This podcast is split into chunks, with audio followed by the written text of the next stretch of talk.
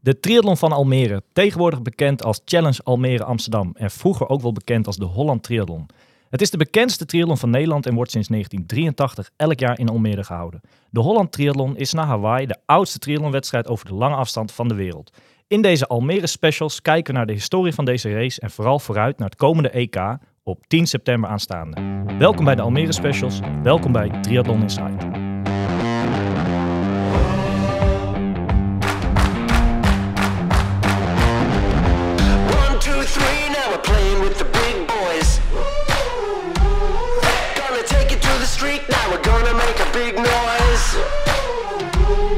Gonna climb so high, now we're rising up.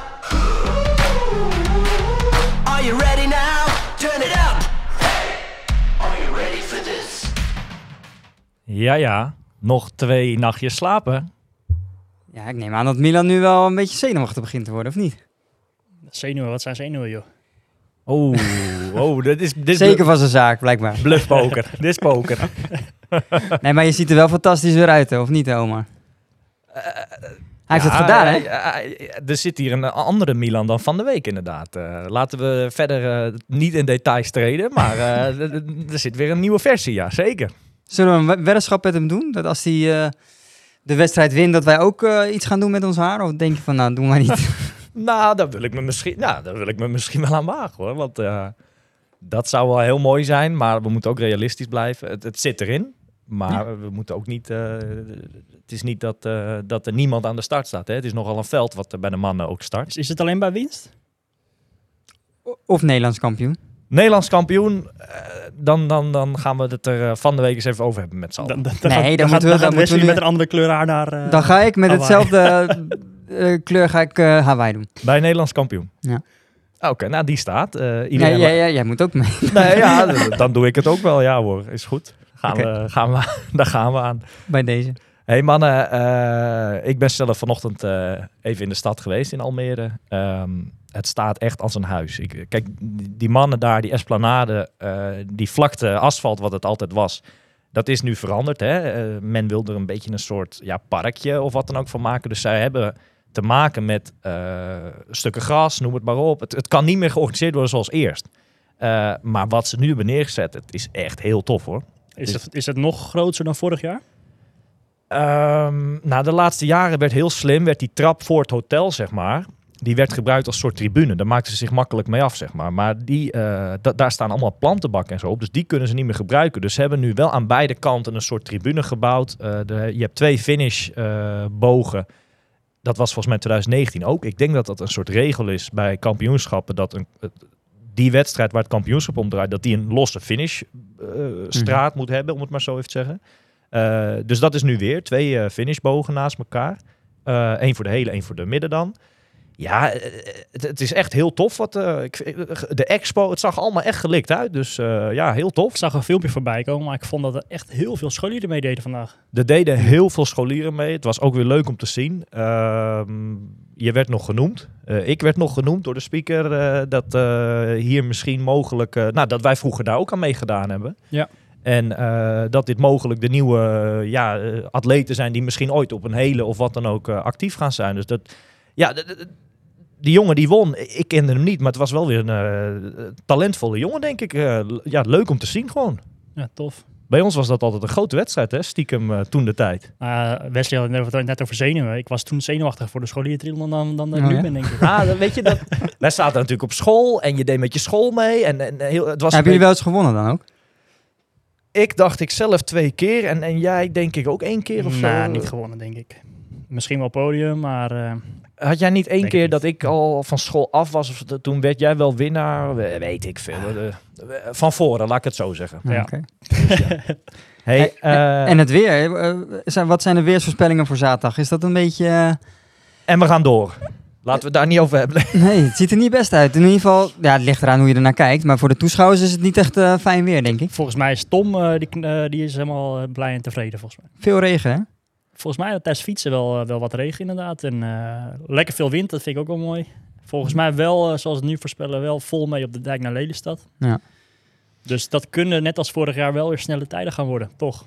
Kijk, een triatleet eh, die begint dat fietsonderdeel toch al nat. Dus wat dat betreft, eh, ja, het, het, het Uiteindelijk is vervelend. Jij zegt voor de supporters, dat is het hem ook eigenlijk. Precies. Eh, Ik denk, is het tijdens het lopen niet verkeerd. Een beetje Nee. afkoeling. nee. Ja, we, we, we gaan het, we, we hebben het ermee te doen. Eh, ik hoorde vanmiddag ook Richard, de race director, zeggen...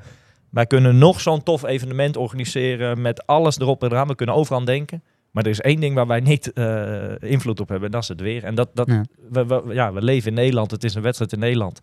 Dat blijft gewoon een dingetje, ja. Dat is, eh, Gaat wel meemaken, toch? Ja, het is wat het is. kan je niks aan doen. Hey, ehm, de laatste Almere special. Ja, we hebben het jubileum en dat is de tiende podcast alweer. Dat Oh, we hebben er kijk. snel doorheen gejaagd, Maar maar kijk, Wesley die rekent mee de tiende alweer. in vijf dagen. Of in, En eh, hoe is het jullie bevallen? Want we hebben best wel leuke reacties. Hè? Dat, dat hadden wij toch, laten we eerlijk zijn, dat toen we de eerste keer hier zaten, hadden we dat niet echt verwacht, denk ik. Of wel? nee, ik geef Milan even het woord. eh, vertel. Nee, we, we hebben het in, de, in een paar van de eerste podcasts hebben we het een beetje besproken. Hè, maar eh, ja, eigenlijk, eigenlijk op bij- bijna elke nieuwe podcast die we online gooien, krijgen we weer reacties van: Goh, wat is het toch? eh, wat is het? Ja, luistert het lekker? En eh, Ja. ik zet het aan tijdens een fietsritje of een loopritje of Ja. in de auto. En eh, Maar ook echt Ja, heel grote triathlonnaam in, in hè? Ja, van best wel, eh, best wel wat mensen die wij eh, wel of niet persoonlijk kennen allemaal. Maar ook inderdaad die eh, van wel de gevestigde namen in de, Ja. in de nationale triathlonsport. En eh, Die luisteren ook gewoon. volgens, Blijkbaar, vol- ja. volgens mij zijn er best wel wat mensen die graag willen komen aanschrijven in de toekomst. Ja, die berichtjes krijgen we wel. Dat het, eh, Leuk, alleen maar leuk. Weet je, Ja. we zijn het een paar weken terug eh, om tafel gegaan met z'n drietjes. En eh, dit is heel losjes bedacht. En, Ja. en, en, en ik denk dat het vaak dit soort dingen, als je het zeg maar zo ingaat, losjes, dan is het vaak het leukste. Hè? Ja. Als er niet een heel plan achter zit, noem het maar op. ja, ik heb er veel, eh, veel plezier eh, van, moet ik zeggen. Ja, jij twijfelt volgens mij nog steeds om te starten zaterdag. nou, laten we dat maar niet. Zullen we naar onze gast gaan van de dag, man? Ja, en dat is, eh, volgens mij zeg ik dat elke keer, maar dat is er niet zomaar één. Eh, het beste voor het laatste, om het maar zo te zeggen. Ehm, ja, ik heb er zin in en eh, ik pak mijn telefoon even erbij en dan gaan we er even introduceren. De dame die we vandaag te gast hebben, kunnen we ook wel de koningin van Almere noemen. Maar liefst vier keer schreef ze de race op haar naam. Haar topsportcarrière zit er helaas op, maar helemaal uit de sport is ze verre van weg. Men zegt wel eens dat je het leven altijd het beste voor het laatst moet bewaren. Dus dat hebben we dan maar gedaan. Vandaag de gast in deze Almere special, de Flying Dutch Girl, Yvonne van Vlerken. Goedenavond. Ja hoi, hey, eh, hartstikke leuk om eh, hier bij jullie te zijn. Het is echt uh, super gezellig bij jullie, inclusief koekjes. Ja, ja zeker. ja, Yvonne, hoe, hoe is het met je? Ja, hartstikke goed joh. Eh, ik krijg een beetje helemaal de kriebels als ik hier weer Almere binnen kom rijden. Ik moet eerlijk eh, bekennen, je gelooft het niet. Ik ben nu natuurlijk drie jaar gestopt. eh, Ja. dat ik vandaag voor de allereerste keer sinds drie jaar echt de kriebels kreeg van... Goh, waarom start ik zaterdag niet? Echt man? waar? Ik, Oh, ja. ja. ik had echt... Ik, ik, ik heb het vandaag al tegen meerdere mensen gezegd. Ik had het er echt even moeilijk mee. Want ik voel me... Ik ben gewoon ook echt wel gewoon nog in vorm. En ik voel me goed. En eh, ook al train ik wel nog maar heel weinig. Ja. Ik had echt... eh, kreeg ik even helemaal, eh, helemaal de kriebels. eh, ja. En, en, en het is best wel interessant wat je zegt. Eh, hele simpele vraag daarop. Maar waarom doe je dat niet gewoon dan? Eh, ja, dat gaat gewoon niet gebeuren. Ik heb altijd gezegd ehm, dat als ik stop, dan stop ik gewoon. Ik ga Ja. ook niet... eh, heel veel mensen die doen zo'n comeback. Ik vind dat, ja, sorry, is gewoon mijn persoonlijke mening. Ik vind het gewoon altijd een beetje stom. Ja. Je stopt en dan stop je, gewoon klaar. en ik ben ook niet iemand die gaat, ja, als amateur gaat starten. Dat kan ik niet. Ik ben Nee. gewoon, dat zit mijn hele leven al sinds een klein meisje in mij. Als ik ergens meedoe, dan moet ik winnen. Ja. Maakt niet uit of dat een vrijgezellenfeestspelletje is. eh, of inderdaad een triathlonwedstrijd of een voetbalwedstrijd of wat dan ook. Eh, ik moet gewoon altijd winnen en dat krijg je er niet uit. En heel eerlijk gezegd, en dat is ook altijd mijn mening en daar sta ik gewoon ook achter. ehm, ik vind het gewoon ergens ook heel, ja, gewoon oneerlijk of gewoon niet fair tegenover amateuren als jij je hele leven als prof en alle voordelen daarvan hebt kunnen, ja, nutsen, hoe Ja, zeg ja, je ja, dat in. Nederland benutten, eh, dat je daar dan daarna nog als amateur gaat starten. Ik vind dat gewoon, eh, dat moet ieder voor zich weten, maar ik vind dat gewoon, nee, dat zou ik nooit niet doen. Dus En, en dat, dat, zit hem er dan in omdat je dan eh, waarschijnlijk nog best wel een mooie tijd zou lopen. Eh, bedoel je dat dan tegenover Nou ja, andere- dat is trouwens ook wel heel interessant eh, wat je daar zegt. Want dat merk ik nu omdat ik natuurlijk best wel nog wel veel loop. Ik doe af en toe nog wel eens een hardloopwedstrijdje. En dat is echt gewoon, dat zit zo in je systeem. En het is heel moeilijk om dat een plekje te geven en los te laten. Om gewoon nu te zeggen van, oké, ik ben nu gewoon ouder. Ik train nog maar een derde van wat ik normaal deed. En ik kan nu niet meer die tijden lopen. Maar dat zit allemaal zo enorm in jouw systeem. Ja. En ja, daarom is het gewoon eigenlijk nu veel leuker om dingen te doen waar geen verwachtingen achter zitten. Ehm, je gaf net zelf ook al aan eh, in de intro een beetje van dat zoiets wat jullie hier doen met die losheid en Ja. ongedwongenheid, dat daardoor zoiets heel leuks en moois ontstaat wat jullie hier neerzetten.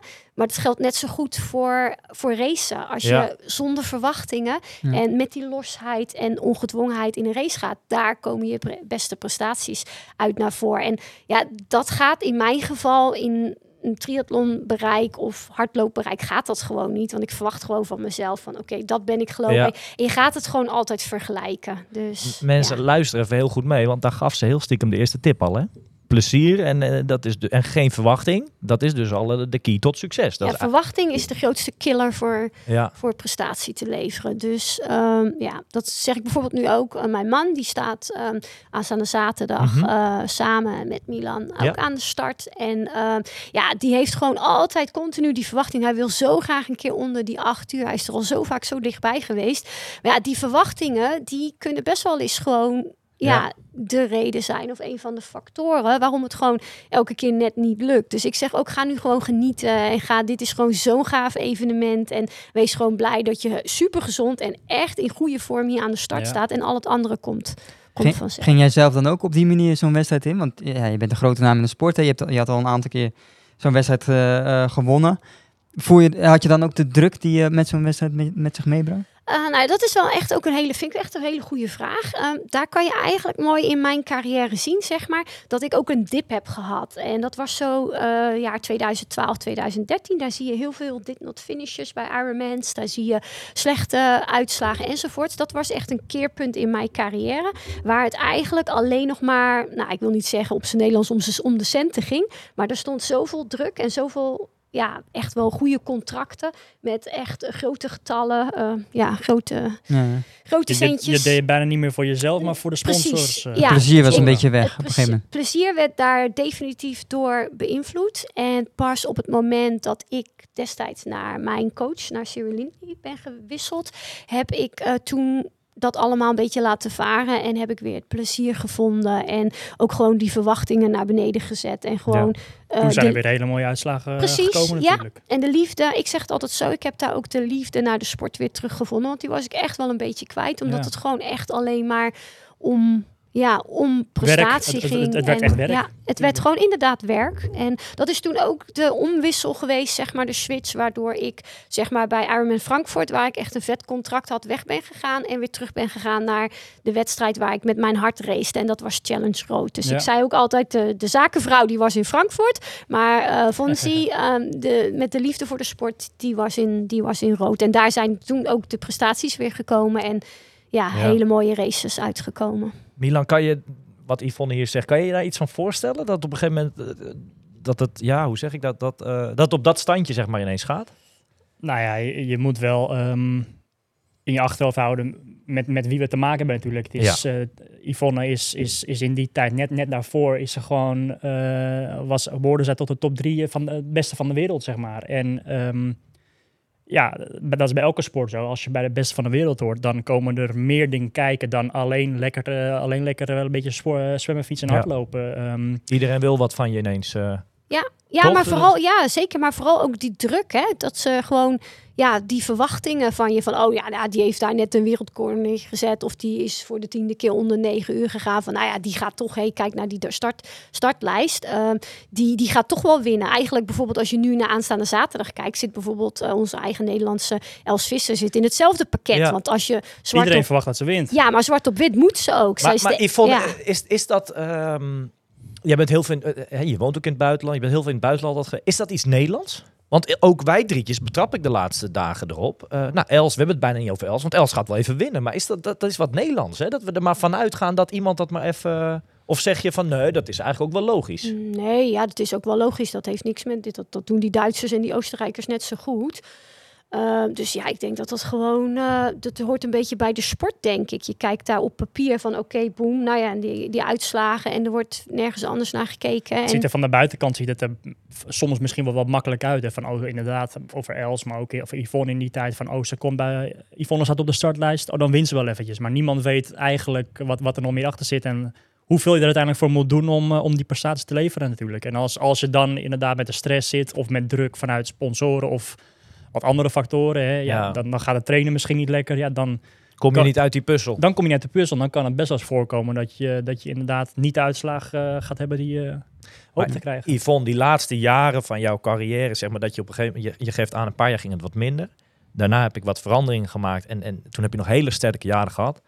Jij kon met, met dit, die, die druk, kon jij volgens mij wel onwijs goed omgaan, toch? Dat je dat, bijvoorbeeld Almere werd inderdaad die laatste jaar altijd maar even verwacht. Yvonne gaat het wel doen. Maar ja, maar dat waren wel in de goede jaren. In die laatste, in de tweede, ik zeg al, de tweede helft van mijn carrière. En daar was ik gewoon heel zeker van mijn zaak. Ik, ik merkte gewoon dat ik heel lekker in mijn vel zat. Ik vond Ja. het gewoon, alles vond ik leuk. En je moet natuurlijk ook wel heel, als je heel eerlijk bent, eh, is het natuurlijk ook wel zo dat ik daar zeg maar het zogezegde cherrypicking deed. Dus die laatste drie, vier jaar van mijn carrière. En Helaas bij jullie mannen, sorry eh Milaan, voor jou is dat niet weggelegd. Bij de mannen is het niveau gewoon veel compacter. Daar Ja. gaat dat niet. Maar als vrouw kan je cherrypicking doen. En daarmee bedoel ik dat je gewoon je races uitzoekt die jij gewoon superleuk vindt om te doen. En waar je eigenlijk te zeker van bent dat je er ook een leuk centje van Ja. mee verdient. En waar er niet de absolute top aan de start staat. Nee, maar dan, dan nog moet je het maar wel even doen natuurlijk. Ja, uiteraard. Ja, en ja, dat is altijd wel een hele moeilijke, vind ik. Want ik heb nu bijvoorbeeld eh, zaterdag hebben we 16, heb ik 16 atleten die, die we coachen, die, eh, die starten op de halve en de hele. En er zijn er een paar van die zijn een beetje onzeker. Maar ik heb bijvoorbeeld ook twee die zijn echt verschrikkelijk zeker van de, van de zaak. Dat het bijna vast, nou niet tegen arrogantie, maar gewoon echt wel heel zeker van de zaak. En daar is echt, vind ik altijd heel interessant. Oké, tot hoeverre ehm, kan je zeg maar, is het, het goed dat je hoe, hoeveel zelfverzekerheid Ja, zeg ja, maar is, is goed dat je een super prestatie gaat leveren? Of wat is er net overheen? Of Ja. dus dat Ja, vind ik ja, altijd en ik was altijd ik was in hier in Almere altijd heel zelfverzekerd als ik mijn interviews terugzie en ook de laatste waar ehm, ja collega bedrijf zeg maar van jullie vanuit Duitsland extra voor naar Almere is gekomen die Ja. me heeft, geïnt- heeft geïnterviewd. Nou, als ik daarvoor de start deed, nou, dan was gewoon klaar dat ik ging winnen. Dat kon helemaal niet anders heen. Nee. En ja, als je dat natuurlijk uitstraalt en je ademt dat, ja, en je hebt dat gevisualiseerd. Ik geloof daar ook wel in dat Ja. je dat in het universum uitzet, zeg maar. Ja. Je hebt daar wel zelf op die manier invloed op. Dat is Ja. wel, wel, wel, eh, ik vind het heel interessant om te horen inderdaad. Dat er gewoon die dag eigenlijk niks, er, hoefde, er kon eigenlijk niks gebeuren, want jij ging hem gewoon binnen. De, ja, als je zo aan de startlijn staat, is het wel heel relaxed natuurlijk. eh. Dan ga je daar niet met heel veel eh, zenuwen in. Maar het grappige is, Yvonne, eh, en ik kijk vaag even Milan aan. Ik denk dat het 2018 is geweest, begin van het seizoen. Deed jij een halve Milan in Rome. Ik zat er net zelf over te denken, inderdaad. En ik ben daar helaas niet bij geweest, maar mijn moeder en eh, of, of, of, hè, onze ouders waren Ja. wel mee. Jij deed daar ook mee, Yvonne. Kan je de wedstrijd hebben? Ja, was een hele slechte was race. Een slechte Hele race, slechte race. En Hij is volgens ik mij ook. nog nooit meer georganiseerd daarna. Nee, was heel slecht Ah, georganiseerd. waar, waar, en, ik, eh, waar ik naartoe, wat ik interessant vind, jij zegt, nou, die jaren was ik heel zeker van mijn zaak. Ja, maar jij, jij had in die jaren, of jij had, toen inmiddels had je alles al meegemaakt. Hè? Hawaii, Ja. supergoed podium. Je hebt eigenlijk bijna alles al bereikt in een sport wat het te bereiken eh, viel, zeg maar. Maar ik kan me heel goed herinneren, die ochtend, ehm, ja, voor de start, die, toen, we, toen we bij de start stonden, vijf minuten voor de start, zeg maar. Ik, ik zag jou natuurlijk ook daar en, eh, en ik zag alle andere atleten. Maar ik had, in- ik had in, mijn, in mijn, gedachten hiervan, oh, die is inderdaad zo zelf... Super relaxed. Super relaxed. Zelf, maar, je, maar je stond daar echt te springen van, eh, van, van, van, van, eh, helemaal hyper en... eh, Ja, maar dat vind ik altijd dat. interessant, hè? Dat heel veel mensen... Dat was trouwens wel even betrekking op deze race. Dat was een hele vroege race in het seizoen. Ja. Als ik me ja. kan herinneren. En ik was altijd... Elke atleet is, is verschillend. Ik was altijd heel slecht de eerste twee wedstrijden. Dus ik deed ook heel graag eh, mijn eerste twee wedstrijden van het seizoen ergens ver weg in het buitenland. In Ja. Nieuw-Zeeland of Australië, waar jullie allemaal niet zo keken. Ja, ja. Want mijn eerste race, ik, had, ik werd altijd per race Beter. beter. En dat zie ik bij heel veel van die meiden die coach, zie ik dat ook. Dat die wedstrijdhardheid komt door Erin te racen. rollen. Precies, ja. Maar sowieso wat je zegt, komt me wel bekend voor. Want het is bij, eigenlijk bij altijd elke wedstrijd geweest. Ik was Oh. altijd heel chill en heel gezellig. En eigenlijk gewoon precies exact zoals ik nu hier gezellig eh, bij Mhm. jullie zit. Tot zeg maar de ochtend van de race. Dus de avond voor de race was ik ook nog super chill en super gezellig. En nou, kon gewoon zo lekker lalala. Ja. Maar de ochtend was ik altijd echt heel... Standje ja, oorlog. Wel, ja, zenuwachtig Ja. en wiebelig. En eh, oh, Op zich waarom- ook vrij logisch, toch? Nou ja, eh, tuurlijk. Kijk, eh, ik denk dat in Yvonne, maar dat, dat heb jij misschien vader ook. Kijk, je weet wat je kan. Maar toch, het moet allemaal, wat ik net ook al zei, het moet nog wel gebeuren. En Ja. eh, eh, inderdaad, Yvonne heeft jarenlang te maken gehad met een bepaalde verwachtingspatroon van anderen die er geschetst is. Dat, En dat- van mezelf. en van mezelf. ook dat, maar ga daar maar eens aan staan. Dat is, Ja. een, eh, Nee, dat is niet niks. Dat Ja. is niet niks. Hey, Yvonne, Ja. het, het is even leuk om, eh, laten we eens even helemaal teruggaan naar jouw beginjaren. Hoe eh, ben jij ooit in dat triathlonwereldje eh terechtgekomen? En volgens mij is het ook bij jou allemaal best wel heel snel richting de top gegaan, hè? Ja, dat was wel heel apart. Ik heb altijd in, eh, in sportschool gewerkt en gymles gegeven. En allemaal verschillende sportmasseuzen was. Ik had allemaal verschillende baantjes. Op een gegeven moment toen was ik echt mega ziek. Ik was eigenlijk nooit ziek. En toen keek ik een keer televisie. En dat heb ik eigenlijk nooit veel gedaan. Doe ik nog steeds niet veel. En toen was er eh, die Ultimate Fitness Challenge. Kennen jullie waarschijnlijk niet, maar was op Veronica destijds. Oké. En toen lag ik dus ziek op de bank. En dat was dus zeg maar een wedstrijd met allerlei disciplines. Dus skileren, downhill, mountainbiken, zwemmen, hardlopen. Nou, noem het maar niet op. Allerlei fitnessonderdelen. Kwam natuurlijk vanuit de fitnesswereld. En zo ben ik ehm, daarin gevallen. Ben toen ook helemaal doorgekomen, doorgestroomd. eh de halve finale in de Ardennen. Toen de finale in Malta.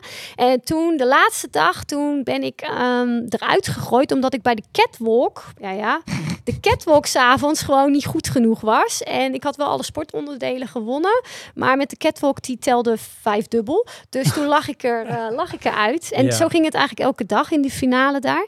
En toen heb ik gezegd, ik ga nooit meer zoiets stoms doen. Ik ga nu alleen nog maar een sport doen Ja. waarbij het alleen om de prestatie eh, geldt. En waar het niet uitmaakt eh, of je grote borsten hebt en een Ja. make-up hebt. En Maar er ja, was er dus een catwalk uitziet. bij een van de Ja, ja. sportevenementen. Er was elke avond was een catwalk en die telde dus gewoon echt dubbel zo zwaar mee als de Goh. sportonderdelen. Dus, en dat ging dan eh, om, om het lichaam, ging dat ja, of zo? ja, En hoe je, ja, dus eh, En en gooi, zo, da- gooi daar eens een jaartal aan. Wanneer is dat ongeveer geweest? Mm, dat was 1999. Oké. Ja, en toen ben ik dus in 2000 ben ik mijn eerste triathlon gaan doen. En zo is dat begonnen. En ja, toen kon ik nog niet zo goed zwemmen. Hè? Dus eh, toen heb ik een paar triathlons gedaan. Maar ja, toen merkte ik wel dat ik dat ook wel kon. En ik fietste gelijk heel goed. En loopte heel goed, want ik kwam van, van het voetballen ook en zo. Dus ik was echt wel eh, ja, een goede loopster, om maar zo te zeggen. En, maar toen heb ik gewoon gezegd van, nou ja, dat zwemmen is gewoon zo'n drama. Ik ga nu eerst maar eens aan mijn zwemmen werken. En dan ga ik in de tussentijd alleen maar duathlons doen. Ja. En zodoende Hmm. heb ik toen vier, vijf jaar echt ehm, helemaal gespecialiseerd in duathlon. En ook eh, best wel heel erg eh, succesvol. Met Zeker. wereldkampioen, Europees kampioen, meervoudig Nederlands kampioen enzovoorts. En, eh, maar ja, op een gegeven moment, als je dan wereldkampioen wordt en je verdient daar is hoogst haalbare binnen die sport. En je krijgt dan verdiend, weet ik veel, wat was het, 3.000, 4.000 dollar. Ja, daar kan je dan ook niet je beroep van maken. Nee. En eh, nou, in de tussentijd had ik geleerd te zwemmen. Bij mij ging dat niet zo snel als dat het bij Milaan eh, ging. Maar Milaan ook, hè? Ja, dat is net Juri Severin. Die Ja, zegt- zegt ook, ja. Oh, Milan. Sorry, Milan. Ja, Milan. Ja. je, je mag me Oh, noemen, man. je mag me noemen. Ik vind Milan. Milaan ook wel leuk klinken. Ja, zeker. Milan, sorry. Eh, nou ja, dus bij mij duurde dat heel wat langer. Maar achter Ja. de schermen lag ik elke dag in het water. Ik heb er hard voor geknokt. En toen eh, ben ik dus... Vandaar dat... Het lijkt misschien toen ik dus in die triathlonwereld kwam... dat het daarna boem, boem, boem ging. Maar ik was natuurlijk wel gewoon al wel echt... Nou ja, rete goed in duathlon. Je was Dus al ja. behoorlijk ver in de Ja. sport natuurlijk. En je, je moet natuurlijk niet vergeten, hè, ehm, voor iedereen die wel eens een, een hele heeft gedaan, eh, weet je, een- zo'n marathon, die ga je natuurlijk gewoon niet echt mega hard aan. Hè? Eigenlijk een marathon lopen in een Ironman of een hele triathlon, dat is niet snel. Hè? Dat is echt Nee. niet snel. En zeker niet als je van duathlon komt, waar wij gewoon op de eerste 10 kilometer gewoon 35 blank liepen als Ja. meisjes. Hè?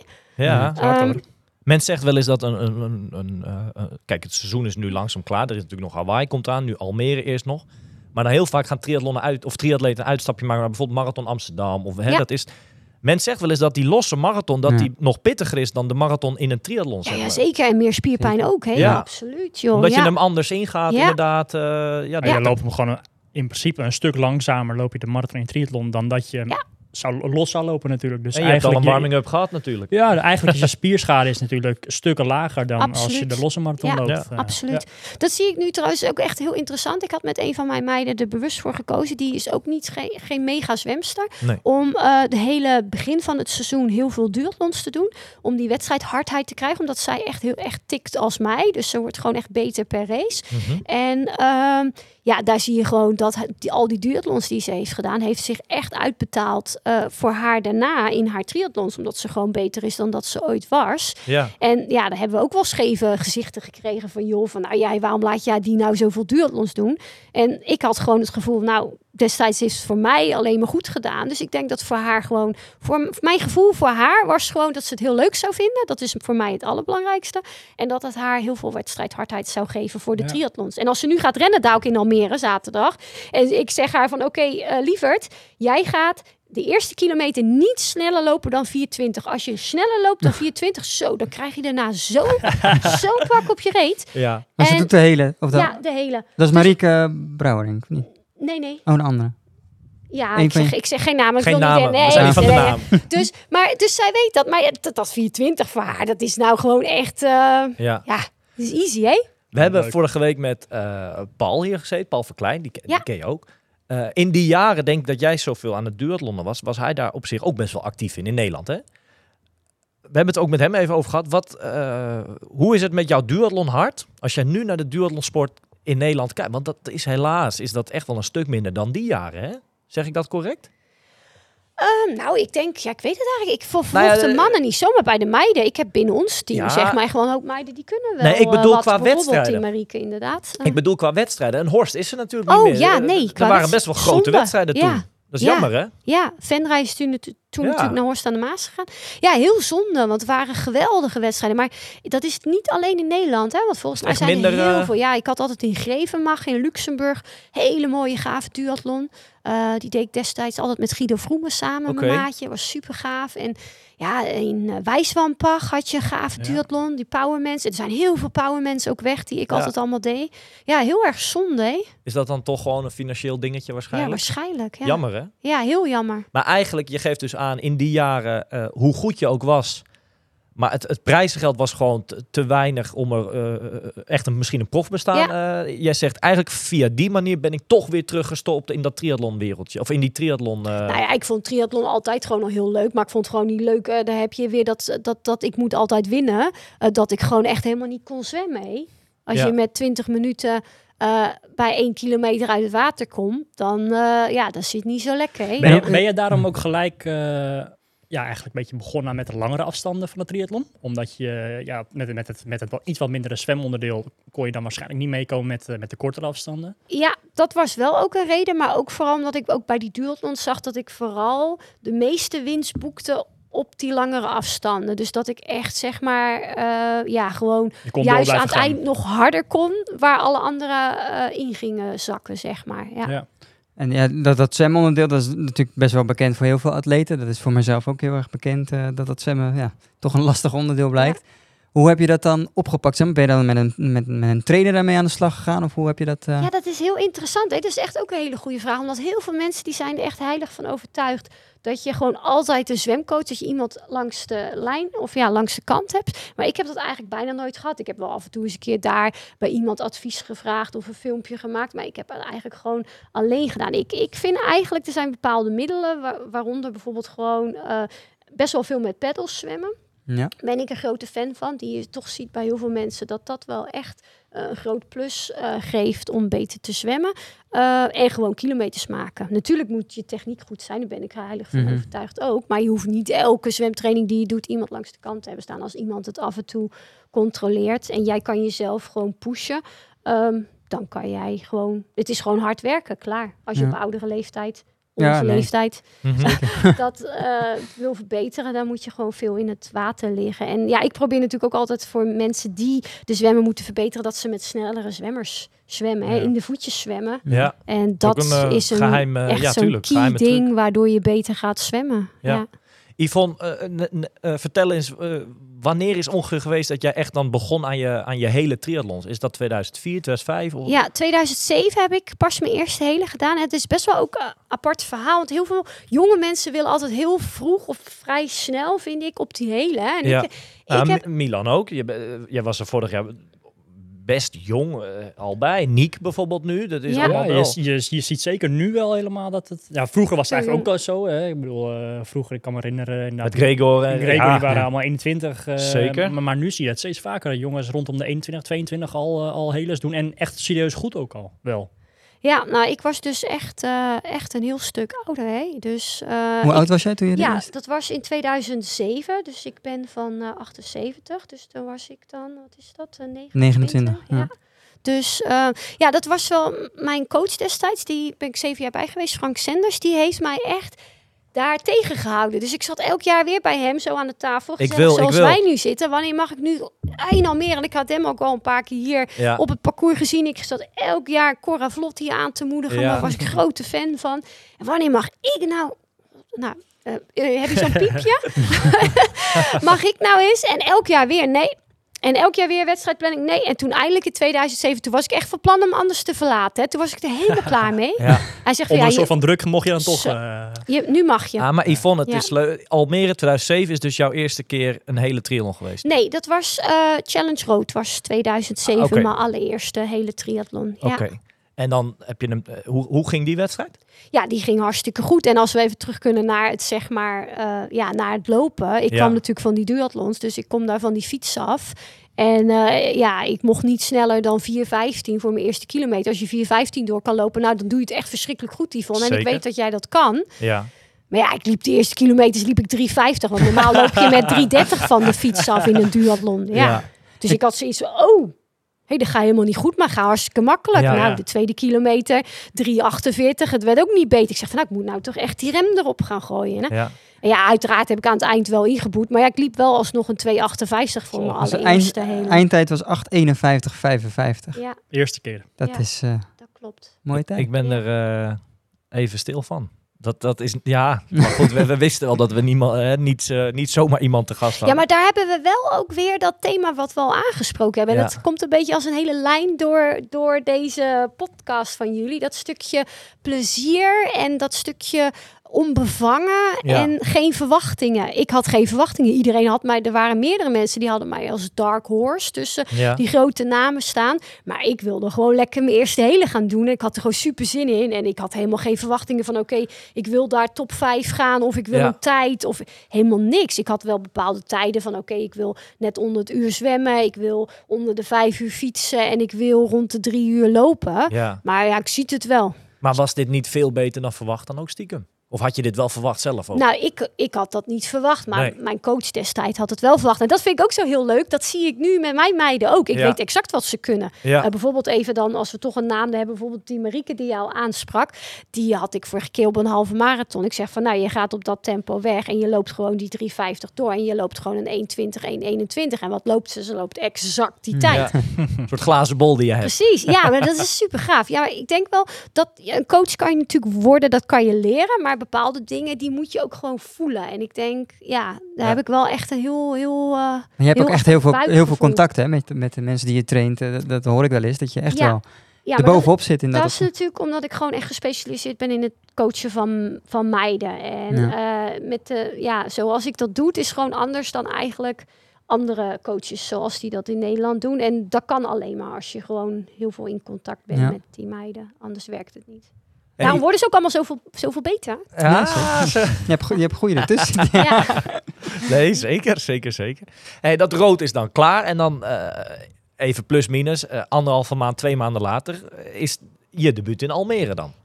Precies. En Ik die heb- was heel leuk. Ik heb daar eh, een stukje voor opgezocht. En die wil ik heel graag even laten afspelen. Eh, Almere 2007. Komt die aan. De eerste vrouw zit dan nog steeds op de fiets, Yvonne van Vlerken. Op jacht om haar eigen wereldrecord te breken. Van Vlerken. Fietst fantastisch. De vraag is eigenlijk, hoe kan het? Ja, hele goede trainer, hè? Maar die nou uitstijgt, dan ga je wel eens dat je het rustig aan zou doen? Dat je Ja, ga ik nu doen. Ga je wel doen? Ja, ik ga nu rustig aan doen. Ook als je zo dicht op een wereldrecord zit? Ja, er staat geen bonus op, hè. Dan moet Ruud centjes betalen. Ja, Yvonne. dit is volgens mij ja, nu 15 jaar na dato. Milan en ik kunnen dit stukje zo goed... Wij waren jong nog, maar dit stukje kunnen wij zo goed herinneren. Ik heb hem echt even moeten opzoeken. Wij moesten zo... Jij, jij nu ook. Ja. Zo lachen Ja. om... eh, nou is dit sowieso meer van die tijd. Hè? Dat ding dat je een microfoon onder je neus kreeg in een wisselsonde. Dat is, wordt nu niet meer gedaan. Hè? Maar Eh, ik geloof nog steeds wel. Ja, maar, maar ja, nee, ja.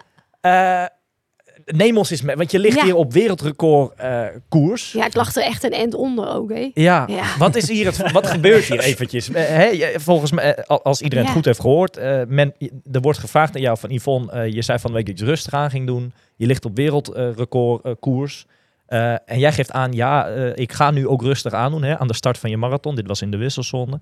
Eh, want er zit geen bonus op. Vert- Vertel eens eventjes, 15 jaar later, wat is het verhaal van deze race en hoe is die afgelopen uiteindelijk? ja, en ook nog qua, qua woordkeuze ook nog niks veranderd, hè, met mijn centjes. Ik Nee. praat altijd in verkleinwoorden. Ruud moet dan betalen, want eh, wat- Ja. er zit er geen... Ja, Ja, nou ja, het is gewoon. ehm, ja, dat is, het kwam niet helemaal van mij vandaan. Hè. Ik had destijds een partner en dat was gewoon, ja, nou, ik wil niet zeggen een triathlon maffia, maar dat was wel een hele ge- gehaakste gozer, zeg maar. En ja, ik, die noemde mij achter mijn rug ook gewoon zijn gouden koe, hè, om het maar even lullig Ja. te zeggen. Dus eh, ik moet gelijk naar je haar kijken. Ah, ja, Mooie. Gouden. Eh, dus ja, en het is gewoon. Destijds was het gewoon zo, voor zulke soort dingen stonden gewoon bonussen Tuurlijk. op. Hè? En Ja. eh, ik weet niet hoe dat tegenwoordig nog is, maar ehm, ja, eh, dat, dat hadden we daar niet. En er was gewoon eh, op dat moment, terwijl ik aan het lopen was, heb, zijn er ook nog gesprekken geweest eh, over de telefoon van mijn partner destijds in Oostenrijk. Met de Met race de race director ja, Ruud Maar nee, ja, maar ze wilden. En ja, mijn partner destijds, die wist dat er volgend jaar in rood, dat daar wel een stevige som aan vast zou zitten. Dus zo Dus ik ver mocht ging dat niet. toen. Ja, kan, je ik maar mocht be- niet. kan je maar beter een beetje rustig aan doen en Ja. eh, volgend Ja. jaar uh, ervoor gaan. Ja, dus dat was echt. Ik heb echt lopen, nou ja, joggen. Ja, ik, ik liep echt heel rustig. Hoe ben je hem geëindigd?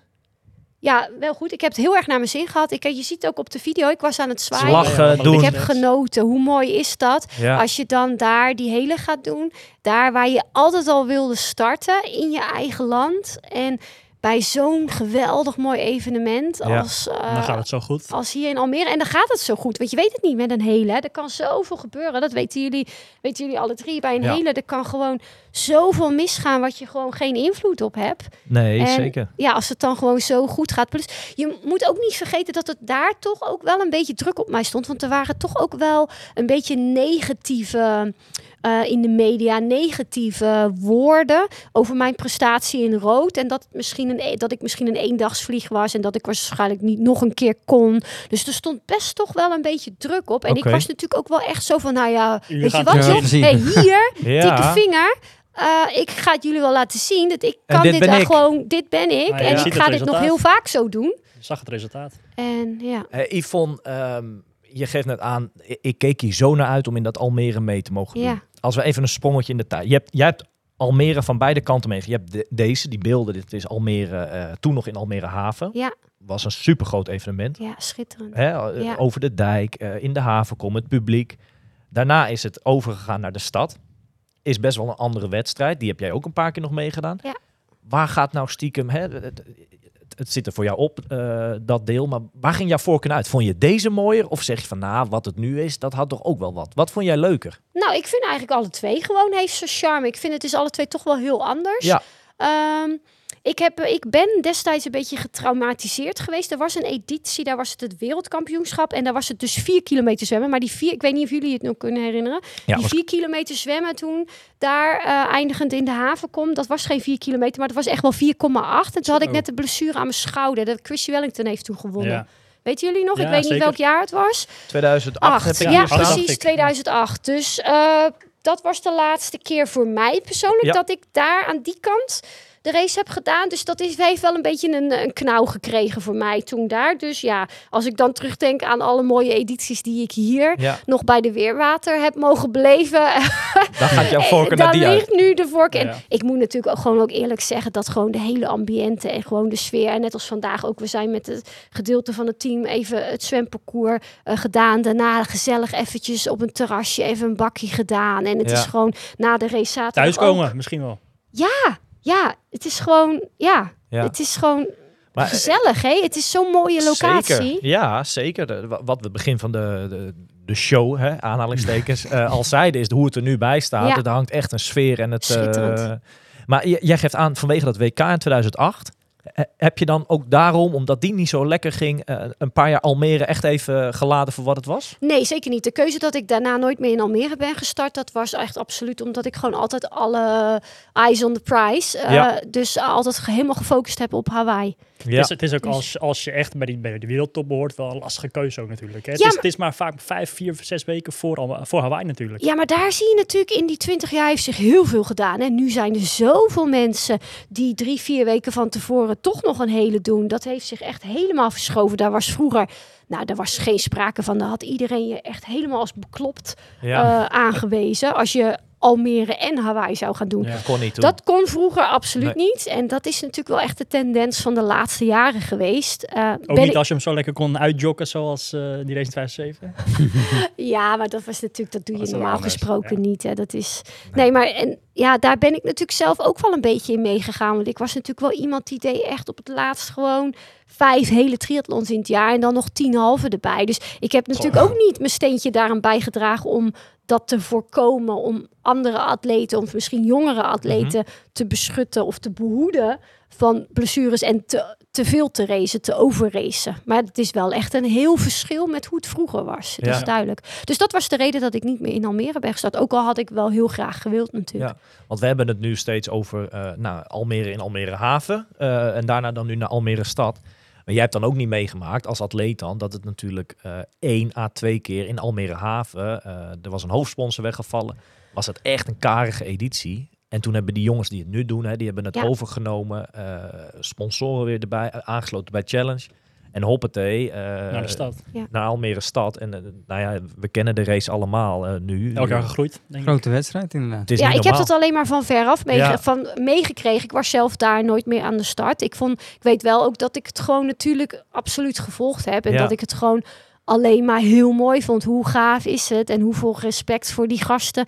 Dat ze dit gewoon zo mooi neer hebben gezet. En ik weet nog hoe ik heb staan jubelen toen ze zich aansloten bij, bij de Challenge Ja, Family. tuurlijk. Maar ik wist gewoon dat het gewoon een hele goede stap zou Een zijn. gouden set. Gouden zet. Ja. Ja. Eh, we hebben het gehad over je, je eerste jaren eh, Almere. Maar daarna, eh, ja, komt, Milan zei het net al, komt Kona, Hawaii komt ineens ook in, voor in het zicht bij jou. Vert- Vertel daar eens wat over.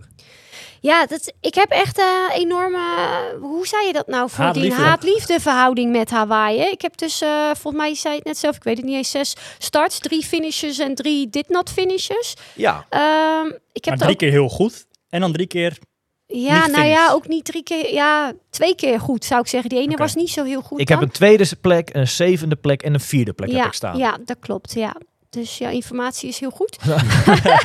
maar er zitten ook natuurlijk heel veel verhalen achter. Hè? Eh, Tuurlijk. Ja, achter elke, dat is net als bij iedereen, achter een hele zit altijd een verhaal. En maar even twee verhalen. Bijvoorbeeld die tweede plek was mijn eerste, allereerste Hawaii. Ja. En eh, ja, daar had ik ook geen verwachtingen. Ik ging voor het allereerste keer als rookie ging ik in Hawaii meedoen. En daar komt dat resultaat uit, omdat ik geen verwachtingen had. ja. Eh, dus uh, tuurlijk, ik had dat jaar natuurlijk het wereldrecord in rood neergeknald. Dus ik wist dat ik goed zou zijn, dat ik, dat ik voorin mee kon doen. Maar ik had geen verwachtingen. En daardoor denk ik ook dat die race daarna, na die eerste start, had ik gewoon mega verwachtingen. En ik heb nooit meer die race kunnen evenaren. En ik heb nooit meer een betere plaats gehaald. Met, met wie was jij daar toen aan het strijden toen? Was dat met Chrissy in Wellington inderdaad? Uh, ja, nou, Chrissy heeft daar een lekker band gehad. En dat is dus ook nog een heel verhaal wat heel veel mensen niet weten. Welk jaar was dat?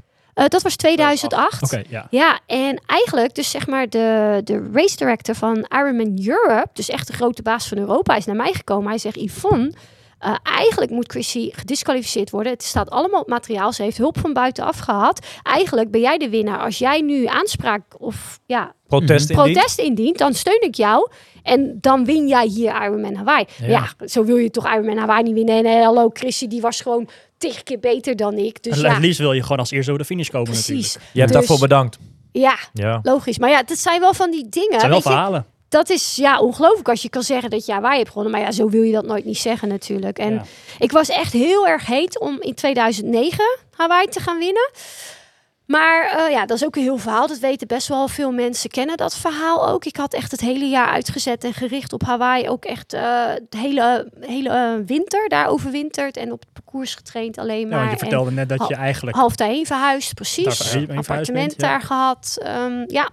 En ehm, nou ja, echt heel veel in geïnvesteerd qua tra- tijd, training, eh, Geld. qua geld, Ja. alles. En eh, ik was in de vorm van mijn leven echt zo ongelooflijk, hey, niet normaal.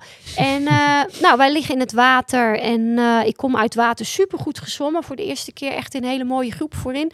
En ik spring op die fiets en eh, ik kan niet schakelen. Dus mijn fiets was goed zoals ik Oh, hem ja. in heb gecheckt. En eh, is op eh, ja, verschillende opnames, nou, niet op opnames, maar verschillende ehm, ooggetuigen hebben dus gezien dat iemand aan mijn fiets heeft Niet, gerommeld. Oh. En we zijn dus met Diana Birch, de race director van Ironman Hawaii, politie en nou, van alles na de race, twee dagen, drie dagen daarna. En met ooggetuigen zijn we om de tafel gezeten. En eh, ja, mijn race die was voorbij. Ik heb dus de hele 180 kilometer heb ik gefietst zonder, ja, met bijna niet te kunnen schakelen. Die mechanics die hebben het niet voor elkaar kunnen krijgen. Ik was gewoon helemaal verrot toen ik in de wisselzone kwam. Ik heb Ja. niet eens geprobeerd nog te lopen. Ik was zo helemaal. He- heeft het nog een stage gekregen dan? Want is Ja, het heeft een staartje gekregen. Ik heb, er, ik heb er niks aan gehad, maar alle toekomstige atleten wel. Want sinds dat jaar, sinds 2010, hebben de pro's een eigen wisselzone Ah, ja. Oh, ja. in de wisselzone gekregen. Waardoor dit dus niet kon gebeuren, omdat je zeg maar extra accreditering nodig had Mhm. om in de pro-wisselzone. Dit is wel een dingetje wat ze nu Ja, vertelt. Ik, ik wist dit verhaal niet, Oh. maar Nee. ik... ik eh, nou, voor mij is lang geleden dat ik een fiets in de wisselzone heb achtergelaten. Een dag voor een wedstrijd. Heb jij überhaupt nog een fiets? Jawel, ja, een stadsfietsje. Nee, maar dit is wel een ding. Je, je op, zeker eh, zoals morgen. Jij moet morgen je fiets wegzetten, Milan. En dat is het hem dan. En je ziet die fiets zie je de dag Ja. daarna terug. Dat is best wel een dingetje. Daar Nou, denk je toch niet aan?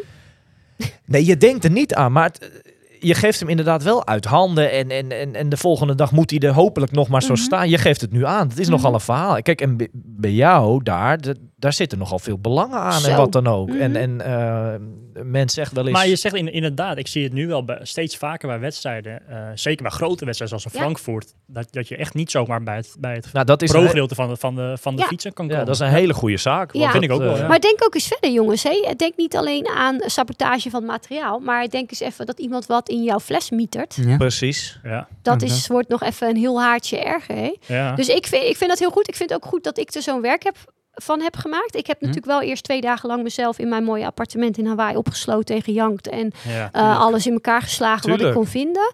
Eh, het was echt heel erg. Hè? Ik weet niet Ja. of je, je dat... Ik denk dat je wel, eh, Milan, ik denk dat jij het wel kan Ja, voorstellen. Ja, als, wat dat, als, als je ergens vol voor gaat en, Ja. het, en het loopt Ja. niet door jouzelf, loopt het, Ja. eh, loopt het helemaal mis, Ja. dan kan ik dat wel heel goed begrijpen. ja, want het jaar daarvoor had ik ook de snelste fietstijd van alle dames. En een revanchegevoel. Dus ja, nee, nee, dit jaar ervoor. oh, Sorry. zo, ja. Het jaar ervoor. Dus, dus hun hadden natuurlijk zoiets van, oké, nou ja, dan... Maar ik begrijp nog steeds niet, ja, die... Maar ben, ben je nu... Ben je daar toen achter gekomen en behoeven eh, geen naam maar uit welke hoek dat gekomen is? Nee, nee, Geen idee. nee. Ze Kan, hebben- kan zomaar iedereen zijn die daar Ja, geweest is. precies. Het was een eh, grote blonde vrouw met een media-t-shirt aan. Ja. Dus, Ja. nou, nou ja, laten we het even over wat Nee, ja. hebben. Eh, ik heb het ook wel een plekje gegeven. Hè. Het is ook oké. en Maar dit, dit begrijp- nu begrijpen jullie misschien een De beetje meer de haat-liefdeverhouding. haat-liefdeverhouding, Zeker. Ja. Zeker. Jij bent hem daarna nog wel eh, twee keer nog gevind. 2010 een zevende plek. 2011 helaas dan weer een dit not finish. 2013 net naast het podium een vierde plek. Ja, daar liep ik echt heel lang derde. En toen heeft Liz Blatchford, dat is ook een goede loopster, die heeft me, waar ik kramp kreeg in mijn kuit, ik heb nooit kramp, die heeft me daar toen ingehaald. En ik heb toen echt, het was echt heel, het was maar 30 seconden of zo. En ik heb dat gaatje niet meer kunnen dichten. Dat was echt wel een hele zure vierde plek. Ja. Ja, want vierde is natuurlijk in Hawaii, weet je, top Ja. drie is eh gewoon, Ja. ja. dus, maar ja, weet je, ik ben eigenlijk, als ik terugkijk op mijn carrière, en ehm, ben ik eigenlijk gewoon heel tevreden. En ik denk dat dat ook hetgeen is ehm, dat je de laatste jaren bij mij zag dat ik niet meer zo hongerig Nee. was. Ik was gewoon heel tevreden. En ik zeg, tevreden is heel mooi. Ook nu in mijn dagelijks leven ben ik heel gelukkig en tevreden en relaxed. En dat maakt je niet meer hongerig. Dan heb je niet meer zo'n vuur, zeg maar. En ik denk als je als atleet niet meer hongerig bent en als je te veel tevreden bent, dan Ja. is het niet goed. Dat is het moment Is om goed. na te gaan denken over de toekomst in de wedstrijdsport in ieder geval. Is dat zoiets bij jou Ja. eh, een beetje ook dan gebeurd op een gegeven moment? Ehm, nou, de reden dat ik gestopt ben, vind ik eigenlijk helemaal niet zo fijn om met drie gasten hier aan tafel te zitten om het daarover te hebben. Maar dat was echt omdat ik gewoon medelijden had met mijn lichaam. Omdat ik enorme problemen had met mijn hormonen. Dus ik was Ja. echt met 38, 39 was ik al in de, in de menopauze, in de overgang, om het zo te zeggen. En enorme problemen mee gehad. Eh, dat zeggen jullie natuurlijk gewoon alle drie even helemaal niks. Mm. Dus dan gaan we het ook snel even skippen. We hebben ook Maar- vrouwelijke luisteraars Ja. waarschijnlijk. Hè? Ja, hoop ik maar. Eh, dus, maar dat was voor mij. Ik was zo enorm dankbaar wat mijn lichaam, zeg maar, voor mij heeft betekend. Mhm. En hoe, hoe, zeg maar, door die sport en door alle prestaties die mijn lichaam en alle cadeautjes die ik heb gekregen van haar. Eh, wilde ik haar gewoon niet langer pijnigen, zeg maar. En omdat haar ze rust dus, geven. ja, omdat ze dus blijkbaar zo te kamp, te ke- ja, Ja. camp- Maar dat, dat kwam gewoon door, door het harde trainen wat je deed, dag in dag uit. Ja, en vooral eh, door een verkeerd milieu met te veel mannelijke begeleiding om me heen, die Ja. gewoon geen aandacht gaven aan dingen die voor vrouwen heel belangrijk zijn. En onder andere ook gewoon een, eh, dat noem je LEA, dat is Low Energy Availability. Dus dat houdt in dat je gewoon continu, dat gebeurt net zo goed bij mannen, dus dat is niet alleen een probleem bij, eh, bij vrouwen. Bij mannen is het ook heel heel, heel gevaarlijk. En hij heeft ook definitief effect op hun hormonen en op testosteron. Ehm, en ja, daar heb ik gewoon enorm hard de rekening van gekregen. Maar Yvonne, is dit niet wat jij nu opnoemt? De reden waarom jij misschien zo succesvol bent met eh, het coach van damesatleten? Ja, want dat is natuurlijk, ligt mij heel erg aan het hart om andere meiden daarvoor te bewaren. En eh, dat het gewoon dat naar buiten te brengen. Ik heb natuurlijk voor Trikipedia ook al een paar keer een stories geschreven erover. En eh, ik vind het gewoon echt heel belangrijk dat ik het voorbeeld zeg maar ben dat hoe je dat niet moet doen en dat je Ja. niet de fouten als dat je dat ze niet de fouten maken die ik heb gemaakt omdat je daar wel eens gewoon een hele zware rekening voor eh, kan krijgen en ja dat vind ik gewoon heel belangrijk dat ehm, alle vrouwen gewoon echt heel duidelijk erop letten dat ze gewoon continu elke dag dat die energiebalans oké is. En het is gewoon heel moeilijk, want als vrouw doe je gewoon, je, je werkt, je traint, je hebt misschien je kids, je huishouden en weet ik veel allemaal. Komt nogal En veel... eh, Dan ja. komt gewoon zo vaak dat eten komt in het gedrang. En Mm. het gebeurt gewoon zo verschrikkelijk snel dat je in een tekort schiet. En gebeurt dat af en toe, is het nog geen megadrama. Maar als dat vaker gebeurt, dan word je in een red S geval, heet dat. En dan heeft dat echt op voor langere termijn eh, heftige gevolgen. Nou, en dat wil je gewoon niet. Nee. Dus eh, ja, en dat is dus de reden ja, dat ik daar de slachtoffer, zeg maar, een beetje van geworden ben. En de reden dat ik, ja. Merkte je toen, eh, toen je eenmaal gestopt was dat dat vrij snel weer de goede kant op ging wat dat betreft? Nou, daar heb ik ook wel heel veel voor moeten doen. Ik heb ook echt heel veel studies daarvoor moeten uitpluizen en moeten doen. Omdat er gewoon, zeker in het Nederlands, is er helemaal bijna niks voorhanden. En in het Duits ook zo goed als niet. Dus allemaal in het Engels. Een hele zware Stof? stof. Ja. Dus daar is in het Engels dan natuurlijk vaak ook nog, ook al is je Engels vrij goed, is ook nog moeilijk. En ehm, ja, dus dat is eigenlijk een beetje ook mijn drijfveer geweest, denk ik. Dat ik ook een beetje in dat coaching gezeild ben. Maar nee, dat is ook niet heel snel weer goed geworden. En ik merk zelfs nu nog dat als ik zeg maar te harde intensiteiten loop of Mhm. te veel kwaliteit of te veel omvang doe, dat ik dan ook gelijk weer eh, aanvallen krijg van hitteaanvallen of dat ik heel slecht slaap enzovoort en al die dingen. Ja. Yvonne, als wij jou, eh, het is nu 2022, als we jou tien jaar terug, 2012, hadden gevraagd of, of, of voorgehouden van Yvonne, luister, over tien jaar dan eh, ben je gestopt met je carrière. Eh, en dan ben je fulltime eh, coach van een, eh, dit aantal. ha- had je ons dan uitgelachen? Had je gezegd nee? Dat, dat, was dat toen al duidelijk dat je dit ook altijd na wel zou gaan doen? Dat vind ik nou zo'n mooie vraag, want daar heb ik altijd op z'n allerluidst geroepen. Ik ga nooit niet coach worden, want dat doet iedereen. Ja. Dat heb ik altijd gezegd. Ik ga echt niet coachen, want dat doet alles en iedereen. En ik, ik wilde altijd al anders zijn. Ik ben natuurlijk Ja. altijd, ook met hoe ik eruit zag, ik wilde Mhm. altijd buiten, ja, ergens gewoon Uniek. uniek Ja. zijn of zo. Dus ik heb altijd gezegd, ik ga nooit niet coachen, want dat doet iedereen. Ja. Dus het is echt werkelijk door die reden een thema wat we net hebben besproken, Mhm. dat ik gewoon echt heel duidelijk een, ook een, een, een ja, gezicht naar Ja. buiten en een verandering wil brengen. Dat gewoon het duidelijk wordt dat ook voor mensen en meiden vooral die, die afvallen, vallen, dat het niet eh, de clue is om minder te eten, maar eigenlijk 9 van de 10 keer juist om meer te eten. Mhm. En ehm, dat je hormoonhuishoud gewoon echt heel belangrijk is en dat je daar echt enorm voor moet oppassen. En dat je je voor elke training goed moet verzorgen in je training en vooral ook na je training. En eh, ik ben dus ook echt een mega tegenstander van nuchter training voor vrouwen. Dat Ja. is bij mij een absolute no-go. Als je dat in team doet, dan vlieg je er ook gewoon gelijk uit. Daar ben ik echt, eh daar mag ik, ben ik helemaal. Je merkt gelijk, ga gelijk zo, ik ben gelijk helemaal agressief. Want dat is bij mij de absolute nummer één Oké. boosdoener geweest. Dus voor alle vrouwelijke luisteraars hier, ehm, doe jezelf, en mij trouwens ook, want dan heeft dit gesprek hier ook nog een ander nut, een plezier. En voordat je 's ochtends, ook al heb je het heel druk, eh, een rondje gaat rennen of je training gaat doen, al is het maar een banaantje of even iets kleins, even wat eten. En ehm, dan Hm. doe je jezelf iets goeds.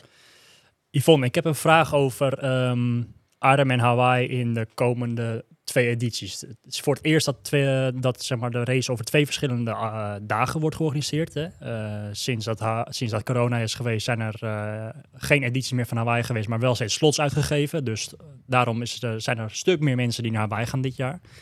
Maar ik heb ook voorbij horen komen, en, en dat wil ik graag aan jou vragen, omdat jij vooral dames ehm, begeleidt natuurlijk. Ook voorbij horen komen dat er bij verschillende wedstrijden in de komende jaren veel meer slots gegeven gaan worden, vooral voor de damescategorieën.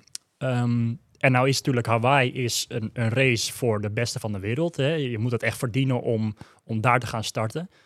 Maar nu gaat het eigenlijk een stuk makkelijker en gemakkelijker worden voor de dames om zomaar te zaken, zomaar eventjes naar Hawaii te gaan. Wat is jouw kijk daarop?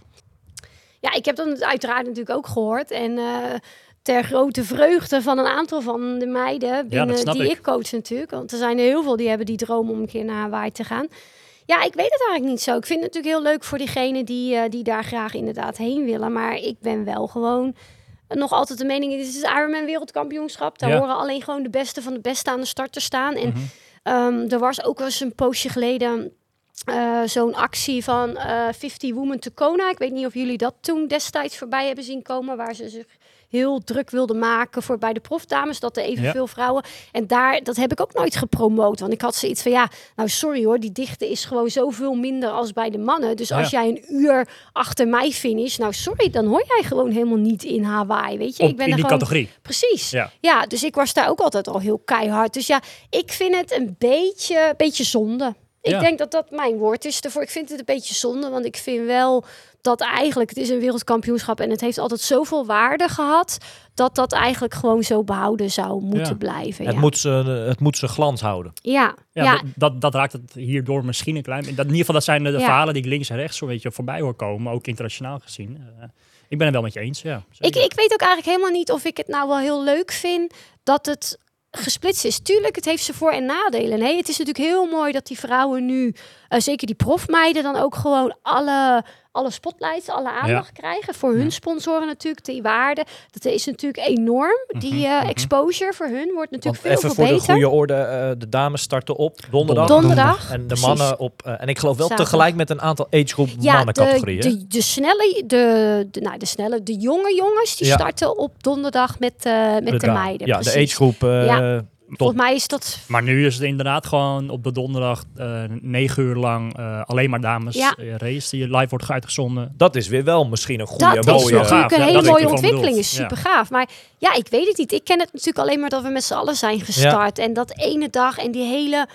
Ik weet ook niet of, de, of het eiland even een beetje stom... Nou, voor sommige mensen misschien een beetje stom gelul. Die hele de spiritu spiritueel verhaal, zeg maar. Dat die hele energieoplading binnen Mhm. het eiland... en die, die magie die daar hangt en dat alles toewerkt naar die ene dag. En dat dat dan nu over twee... Ja, ik weet het niet hoor. Ik weet ook Ja. niet of mevrouw Pillen... Dat, of ze daar, daar blij Ja. mee is. En, eh, nee, Ja, ik, ik ben- weet het niet. Ik ben benieuwd hoe je dat gaat ervaren, Wesley. Ja. Ja. jij hebt natuurlijk niet de vergelijksmateriaal van Nee, van dit is voor mij ook de eerste keer. Dus ik, Jij eh, mag wel gewoon op, eh, op zaterdag, hè? Ik dacht dat de, dat de groepen 21 tot... Tot 30 misschien? Ja, dat zou ik, ik weet het Het zijn de jongsten die Ja, op ja, donderdag met de meiden mogen. Inderdaad, die zijn eh, daar samen. En alle anderen zijn op eh, zaterdag. is natuurlijk voor degene die het willen kijken ook echt wel heftig. Hè? Want je bent, eh, als je hier met tijdsverschil alle Ja. tweede races Twee helemaal nachten wil Ja. volgen. doorhalen bijna. Ja, ik had toevallig gisteren hadden wij onze teammeeting eh met ehm, doen we altijd één keer in de maand en daar kreeg ik dus werkelijk de vraag van een van mijn mannen die zich gekwalificeerd heeft van ja, blijf je dan wel op totdat ik gefinished ben? Nou, en ik heb er ook op dat moment geen antwoord op gegeven, want Misschien Ja, lig je al hey. te slapen. twee, twee keer een hele nacht overspringen. Nou, sorry hoor, ik ben echt niet meer de jongste. Dat ga ik niet trekken. Dus hè. het wordt nu Almere zaterdag zeer waarschijnlijk tot lekker laat. Dat is één groot feest natuurlijk. Maar vanaf zondag is het gelijk bijslapen richting Hawaii. Is dat dan de tip? ja, toch? Ja, dat is een hele goede zeg. Nou, ik heb het antwoord eventjes niet daarop, hé. Maar eh, Ja. ja, ik weet het niet. Ik vind het wel een beetje... Ik, ken, ik, ik ben ook een beetje autistisch en ik hou niet van nieuwe dingen. Ja. Eh, dus ik eh, heb altijd zoiets van, nou, houd maar gewoon allemaal zoals het is. En ja, Ja. Hey, moeilijk onderwerp, hé. Ja, maar Ja. het Het leuke van... de actuele, actuele dingetjes. Ja, Ah, we moeten het eigenlijk een Hawaii slash Almere special noemen. En dat is ook logisch bij Yvonne. Hè? Ja. is zo'n Hawaii Kenny Ja. Zo vaak geweest dat we het niet alleen maar over Almere kunnen hebben. Eh, maar even terug, toch even richting Almere. Hè? Eh, ik ben Almere fan, dat weet je. hè. Eh, nog twee dagen, of twee nachtjes slapen. Eh, hoe kijk jij naar, eh, ik heb dat bijna iedereen gevraagd in de Almere special, naar het Nederlandse team mannen, maar ook de dames die nu staan. Wat, wat verwacht je eigenlijk van de, eh Ja, van zit de één, wedstrijd? één coach hier, is natuurlijk Janine Lubbe. Die, eh, Ja, mijn Lupje die doet mee. Ja, en die eh, heeft natuurlijk dit jaar echt wel een sprong gemaakt. Dat zwemmen blijft een beetje een ding, maar ze heeft zich echt wel ook bij het zwemmen verbeterd. Ehm, vooral bij het lopen heeft ze een grote sprong gemaakt. Dus ik hoop dat ze dat, eh, ja, weet je, Janine, het is gewoon zo'n klein, het is gewoon zo'n pikkeltje en het is gewoon zo'n lieve meid. Maar je mag niet vergeten dat die meid is gewoon fulltime lerares. Ja. En Mhm. die start wel als prof, weet je. Dat maar kan je niet vergelijken met bijvoorbeeld inderdaad hebben we er weer een Els om de Nee. hoek die gewoon alles helemaal perfect Ja. heeft en zich gewoon elke dag 24 uur kan richten op die sport. Hè? En als je natuurlijk naar de, de lijst bij de meiden kijkt, ja, dan is dat eigenlijk bijna in alle gevallen zo. Die meiden hebben allemaal een job erbij. Ja. Dus het is, Ja. het is natuurlijk, dus het is best wel. ehm, ja, het is best wel interessant. Ik vind wel trouwens dat eh, bij de mannen die ontwikkeling van al die goede Nederlandse snelle mannen vind ik heel gaaf. Hè? Dat vind ik echt. eh, Ja, we hebben di- dit Ja. jaar duidelijk een eh, best wel wat andere selectie, om het maar zo even te noemen. eh, waar tot, tot vorig jaar nog wel eens wat, wat oudere mannen ook, die waren heus nog op niveau, maar mee Ja. konden doen. Is er dit keer echt gekozen voor een wat jongere groep. Je hebt natuurlijk Niek, hartstikke jong, wordt zijn derde hele pas. Milan, vorig jaar debuut gemaakt in Almere, net als Niek. Ook nog een jonge Tristan Olij uit Noord-Holland, gaat zijn debuut maken. Tom Oosterdijk, jonge gast. En dan de wat oudere twee, eh, Evert en, en Stef. Ja, wat, wat verwacht je van die groep? Eh, wat, wat, wat, wat zit er Nederlands succes in? Of zeg je van ja, dat vind ik heel lastig om te zeggen vooraf? Ik denk het wel. Ik denk dat je ook niet eh, zou best kunnen. Je hebt wel natuurlijk thuisvoordeel en dat mag Ja. je nooit niet onderschatten. Hè? En ik denk dat ze allemaal wel heel veel talent hebben. En ik denk dat Evert, die heeft ook nog niet heel veel geraced. Ik denk dat die ook wel eh is eventjes weer met een verrassing. Die is heel Ja. hongerig. Ik denk dat hij goed in vorm is. En ehm, ja, die is ook niet moe van veel racen en zo. Nee. Dus eh, ik verwacht best wel heel veel van die Nederlandse gast. En, maar ik vind het los van de wedstrijd van Almere gewoon heel leuk. Dat ehm, eigenlijk was het in de, in de geschiedenis, zeg maar, eigenlijk best wel, als je zo mag zeggen, dat we vaak heel veel goede Nederlandse meiden hadden. Ja. Maar dat er echt bijna geen. Er was er altijd maar één. Bijvoorbeeld Bas Diederen tijd was Ja, alleen maar Bas. Ja. Ja, En er was voor de rest eigenlijk bijna niemand. en wat we vergeten eventjes, dat we eh, zaterdag, het is het EK, maar tevens ook het NK. Er zijn ook Nederlandse medailles, eh, of tenminste ne Nederlands kampioenschap medailles te verdelen. En ook daarin gaat het best wel Ja. spannend worden wie dat eventjes, wie dat podium gaat kleuren bij Ja, hun. super gaaf natuurlijk. Ja. Ja, dat wordt een slacht, hè? Ik verheug me Ja, erop ik zie om jou het aan te kijken. Ik zie jou ineens schuin, eh, schuin naar Milan Ja, kijken, maar ja. dat, dat is wel Voor- zo. ja, eh, het is ja, geen zekerheidje. tuurlijk. Dat maakt het wel, wel spannend ook. Zekers, ja. Wat verwacht je van je man?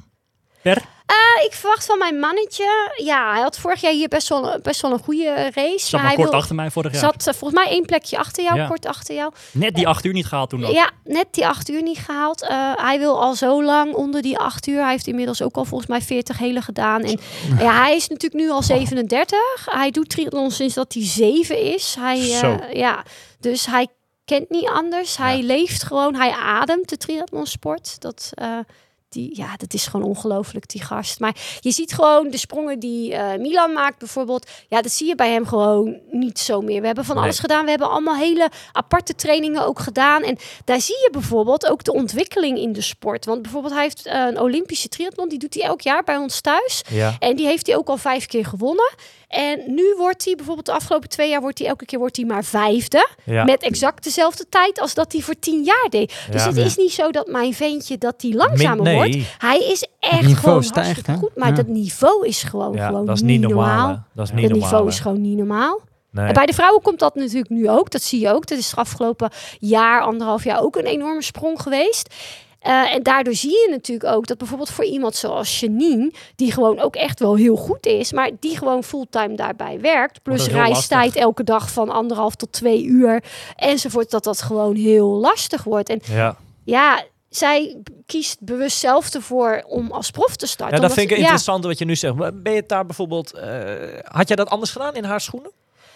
Nee, zeker niet. Want ik vind dat als ze als amateur heeft zij gewoon geen prikkel genoeg. Dan wint ze gewoon Ja. al die races. Dat, dat had ze toen ze overgestapt is als prof. Dus dat is haar, is haar natuurlijk haar keuze. En ik sta er ook helemaal achter. Ik vind het alleen af en toe vind ik het zo, ja, vind ik het zo jammer. Ik vind het zo zielig, want ze werkt zich zo de pleuris, om het maar Ja. even op zijn Nederlands te zeggen. En het is zo'n bikkel en zo'n lieve meid en zo'n ja, gedreven. En dat ze dan natuurlijk gewoon tegen meiden daar race die Ja. gewoon de ideale omstandigheden hebben. Ja, ja. En uh, ja, nou ja, Het is een beetje een strijd in een strijd of zo, om het maar Ja, zo te zeggen. ja. Ja, ja, ja. ja, ja. dus ja. Ja. Maar, maar je hebt nog zo'n atleet hè, eh, in jouw groep zitten die eigenlijk alles, voor mij, Ja. overal waar ze start, wint ze. Ja.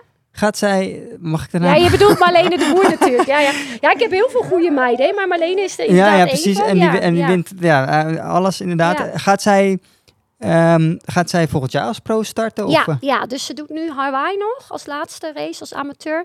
Eh, ze heeft volgens mij echt bijna ja, elke race gewoon gewonnen. Ja. En haar laatste halve, eh, jongens, eh, zet je, jullie zitten allemaal, een eh 4-11 was het, hè? Ja, Ja. ik was ook maar twee keer sneller dan haar. Ja, ik wil En dan- daar eh, ja. even op inhaken. Ik heb ergens gehoord of gelezen dat jij, eh, of, of zei dat nou aan de telefoon laatst uit tegen me, dat je zei van zij is bijna beter dan eh, dat ik was vroeger of, of, zo. Dat erv- ervaar jij zo? nou ja, hè? zij zwemt natuurlijk echt. Zij heeft een heel Ja. groot voordeel dat ze heel goed zwemt. ja. Dus eh, qua lopen op de hele moet daar natuurlijk nog wel wat. Mijn snelste tijd is 2,54 op de Ja. marathon. Dus eh, daar heeft ze nog wel, hebben we nog wel wat werk. Maar het zit er zeker wel in. Een Ja, mooie, ja. mooie profcarrière ligt er weg voor haar. eh. Ja, zeker ben heel wel. benieuwd. Ja. Ja. Hey, eh, als we het over Almere hebben, eh, ehm, even kijken hoe ik dit netjes inleid. Je hebt natuurlijk eh, heel veel mensen leren kennen in de sport. En ik denk ook nu na je topsportcarrière dat je er ook eh, best wel wat vriendschappen aan over hebt gehouden met bepaalde mensen uit die wereld. Klopt dat? Ja, zeker. Ja, en over de hele wereld natuurlijk ook. Want dit is niks mooiers dan met deze sport dat je ook gewoon vaak, en zeker ook bij challenge-wedstrijden, die ik natuurlijk in merendeel deed, Ja. dat je vaak homestays krijgt. Dus Ja. heel mooi voorbeeld hier in Almere, onze eigen Leo Muis. Die kennen jullie wel. Nou, heb ik vandaag natuurlijk ook nog gezien. Daar was ik vroeger, was dat mijn homestay. En ik heb nu ook een van mijn eh, atleten uit Duitsland met haar zoon onder. Ja, die heeft hij gewoon zijn deur voor Grappig. geopend. Wij- En dat wij, ze eh, bij, ja, Wij ook vannacht. Mijn vader moet werken vannacht in Amsterdam. Maar die haalt eh, van Schiphol twee, eh, twee Spaanse, een stel. Hè, die doen de halve. Die blijft bij ons eh, in Almere overnachten. Ja, dat, dat, ja, ja, omdat die, volgens mij moet hij in het Holland Casino werken. Dat doet mijn vader. Ik ja, weet dat klopt. alles. Ja, jij weet alles. Nee, dat klopt. En eh, zij landen net voor middernacht. Ja. En mijn vader heeft aangeboden: ja, luister, ik kan jullie best ophalen, maar dan wel dit en dit. En dat, dat echt wel een paar uur later. Maar dat vonden ze oké. dus we gaan even wachten. En dan Ja. eh, slapen ze bij ons een paar nachtjes. Ja, dat, eh, kijk, Mooi hè? nou Ja. je kan daarvan vinden wat je wil. Je kan zeggen van, nou, dat moet Milan allemaal niet willen nu thuis, die rust en weet ik. Maar aan de andere kant, ehm, als jij dat zelf, eh, andersom, als Milan daar een wedstrijd doet en hij zoekt dat ook op, Precies. dan hoop je ook dat je dat kan Ja. krijgen. Ja, Dus- en daar gaat niet van afhangen. Al het werk is gedaan. En, ja, ja, ja en nee, dat is ook echt geen, eh, dat is geen excuus. Hè. Daar, kan je, daar kan je mee ophoepelen. In Daarom, mijn eerste ja, race in rood en ook mijn wereldrecord was ik met, eh, bij mijn homestay in rood. En wij waren het huis vol met 14 man. ja. Dus er lag, in elk hoekje lag iemand op het matje. Ja. Dus eh, Mijn oude die kan je kamer, op je eh, buik schrijven. mijn oude kamer is omgebouwd tot hotelkamer een paar nachten. Nou ja, prima Ja. toch? Ja, Nee, maar, maar- hoe mooi is dat? Hè? is Dat alleen maar toch- leuk. Weet je, leert nieuwe leuk? mensen kennen, noem het maar op. Dat is alleen maar leuk. Nee, maar waar ik naartoe wilde. ehm, De vriendschappen. Er is één iemand eh, die er helaas niet bij is, komende zaterdag. Ruud. Wat ik wel weet dat dat een Oh. hele bekende vriend van je is. Eh, en ik heb hem even gevraagd. Hij heeft een klein stukje ingesproken voor jullie. Daar komt hij aan. Hey Yvonne, jij in Almere en ik ergens eh, in Frankrijk onder een afdak. Wellicht hoor je de onweer op de achtergrond in Gérardmer. Ik dus in het buitenland en jij in Almere. En dat is eh, vaak anders geweest. Dan eh, was ik in Almere als speaker of als toeschouwer. En jij als atlete ergens in de wereld. Maar zo af en toe was je in Almere en dat waren toch wel die hele bijzondere momenten. Van Vlerken en Almere, ja, dat gaat bij mij in eh, één zin samen. Samen bijzondere dingen beleefd, samen bijzondere dingen ervaren en samen een bijzondere vriendschap. Dat eh, is al zo sinds uh, Spijkenisse. Die allereerste keer dat ik je binnenhaalde als winnares op een eh, triathlon. En dat is uitgegroeid tot iets heel moois, iets wat ik koester. Jij bent vandaag de gast bij de jongens van Triathlon in Zaid. En dan zit je goed, want wat mij betreft is het een van de beste en leukste podcasts die ik eh, de laatste tijd eh, beluisterd heb. En dat eh, zijn er behoorlijk wat. Jongens die weten waarover ze praten, jongens die eh, ervaring hebben en kwaliteit leveren. Jij mag eh, daar eh, te gast zijn. Ik eh, hier te gast op een eh, fraaie camping in het uh, Gérardmer. Lieve ik wens je heel veel succes voor eh, zaterdag, voor eh, Jan Manper voor eh, je coaches. En voor Milan, ja, heel veel succes zaterdag in jouw race. En over twee weken ben jij mijn co-commentator bij de US Open in Dallas. Daar kijk ik naar uit. En dan zullen we er bij Eurosport een, eh, mooi feestje van maken. En ik hoop dat eh, jouw feestje aanstaande zaterdag een, een fraaie wordt. En nu, voor nu, heel veel gezelligheid met Yvonne. Ja, Ruud de Haan. Mm, Dat zijn Ja. leuke, lieve woorden Ja, van hem, hè? Dat is wel mijn allerliefste maatje hè, vanuit de sport. Ja, daar heb ik zulke mooie herinneringen mee. Van ook echt de allereerste keer dat ik uitgenodigd was bij NOS, bij Sport. Is, Ja. die, is Ruud me thuis op komen halen en zijn we samen naar Hilversum geweest. Dat is niet het enigste ritje daarheen geweest, er zijn er meerdere. Ja. En ja, zoveel mooie momenten met, eh, met hem. Dus een hele bijzondere... Hij een heeft hele het stukje even opgenomen gisteren op zijn verjaardag.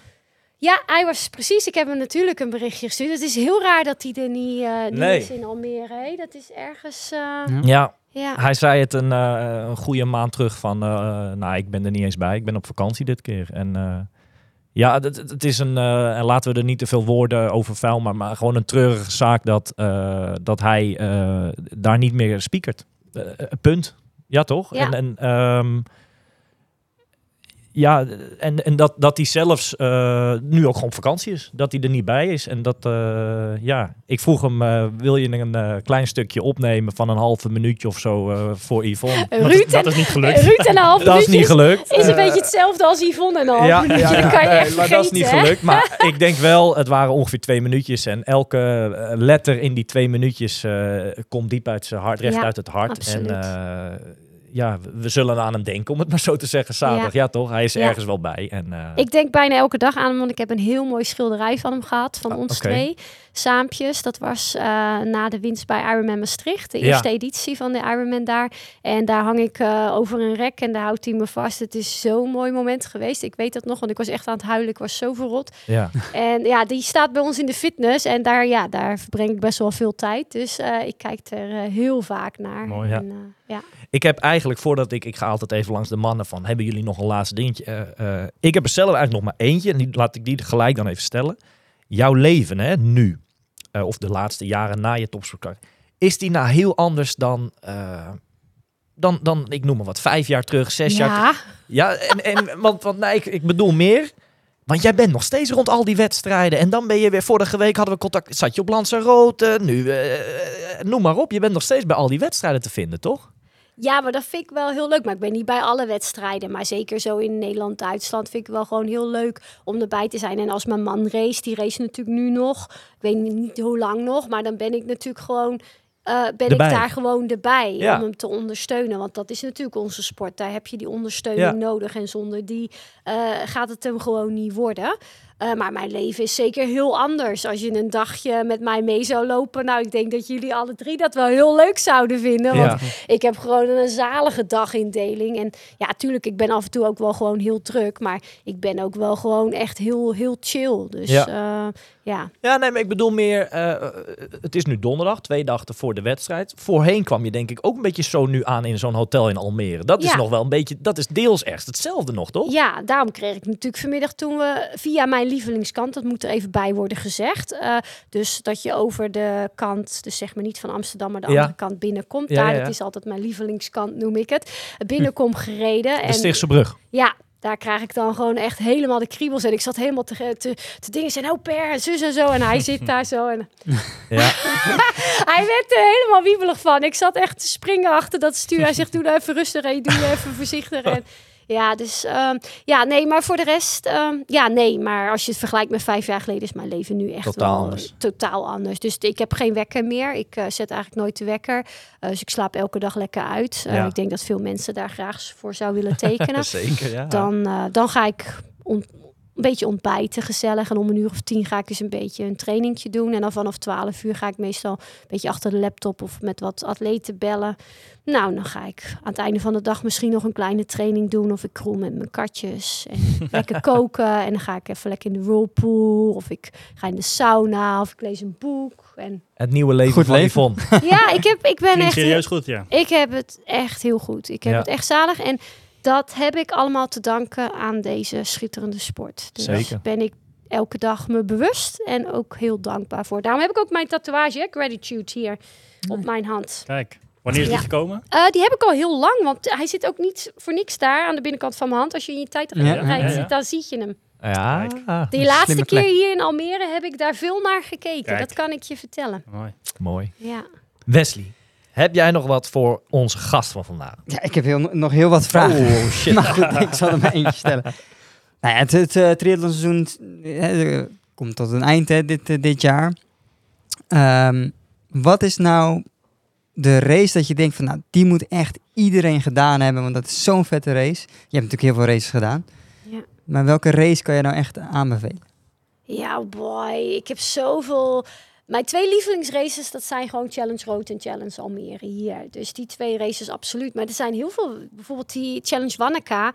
Dat is, Ja. maar ja, dat is gewoon heel ver weg voor Nederlands natuurlijk. Maar dat is gewoon ook een ja, eenmalige beleving. Hey, eh, die drie wedstrijden staan trouwens zeker weten boven Hawaii. Hè? Want Hawaii is ook een beetje overrated. Hè? Als Ja. je daar bent, Eh, zo geweldig, schitterend mooi is het nou ook weer niet. Oh. Eh, Ah, nice. Dan hoef je niet meer te gaan. Kan nog annuleren. Ah, nee, nee, nee. Natuurlijk is het, ja, het is die hele belevenis aan zich natuurlijk. Maar, dus ja, ik kan helaas daar eh, niet een heel goed antwoord op geven.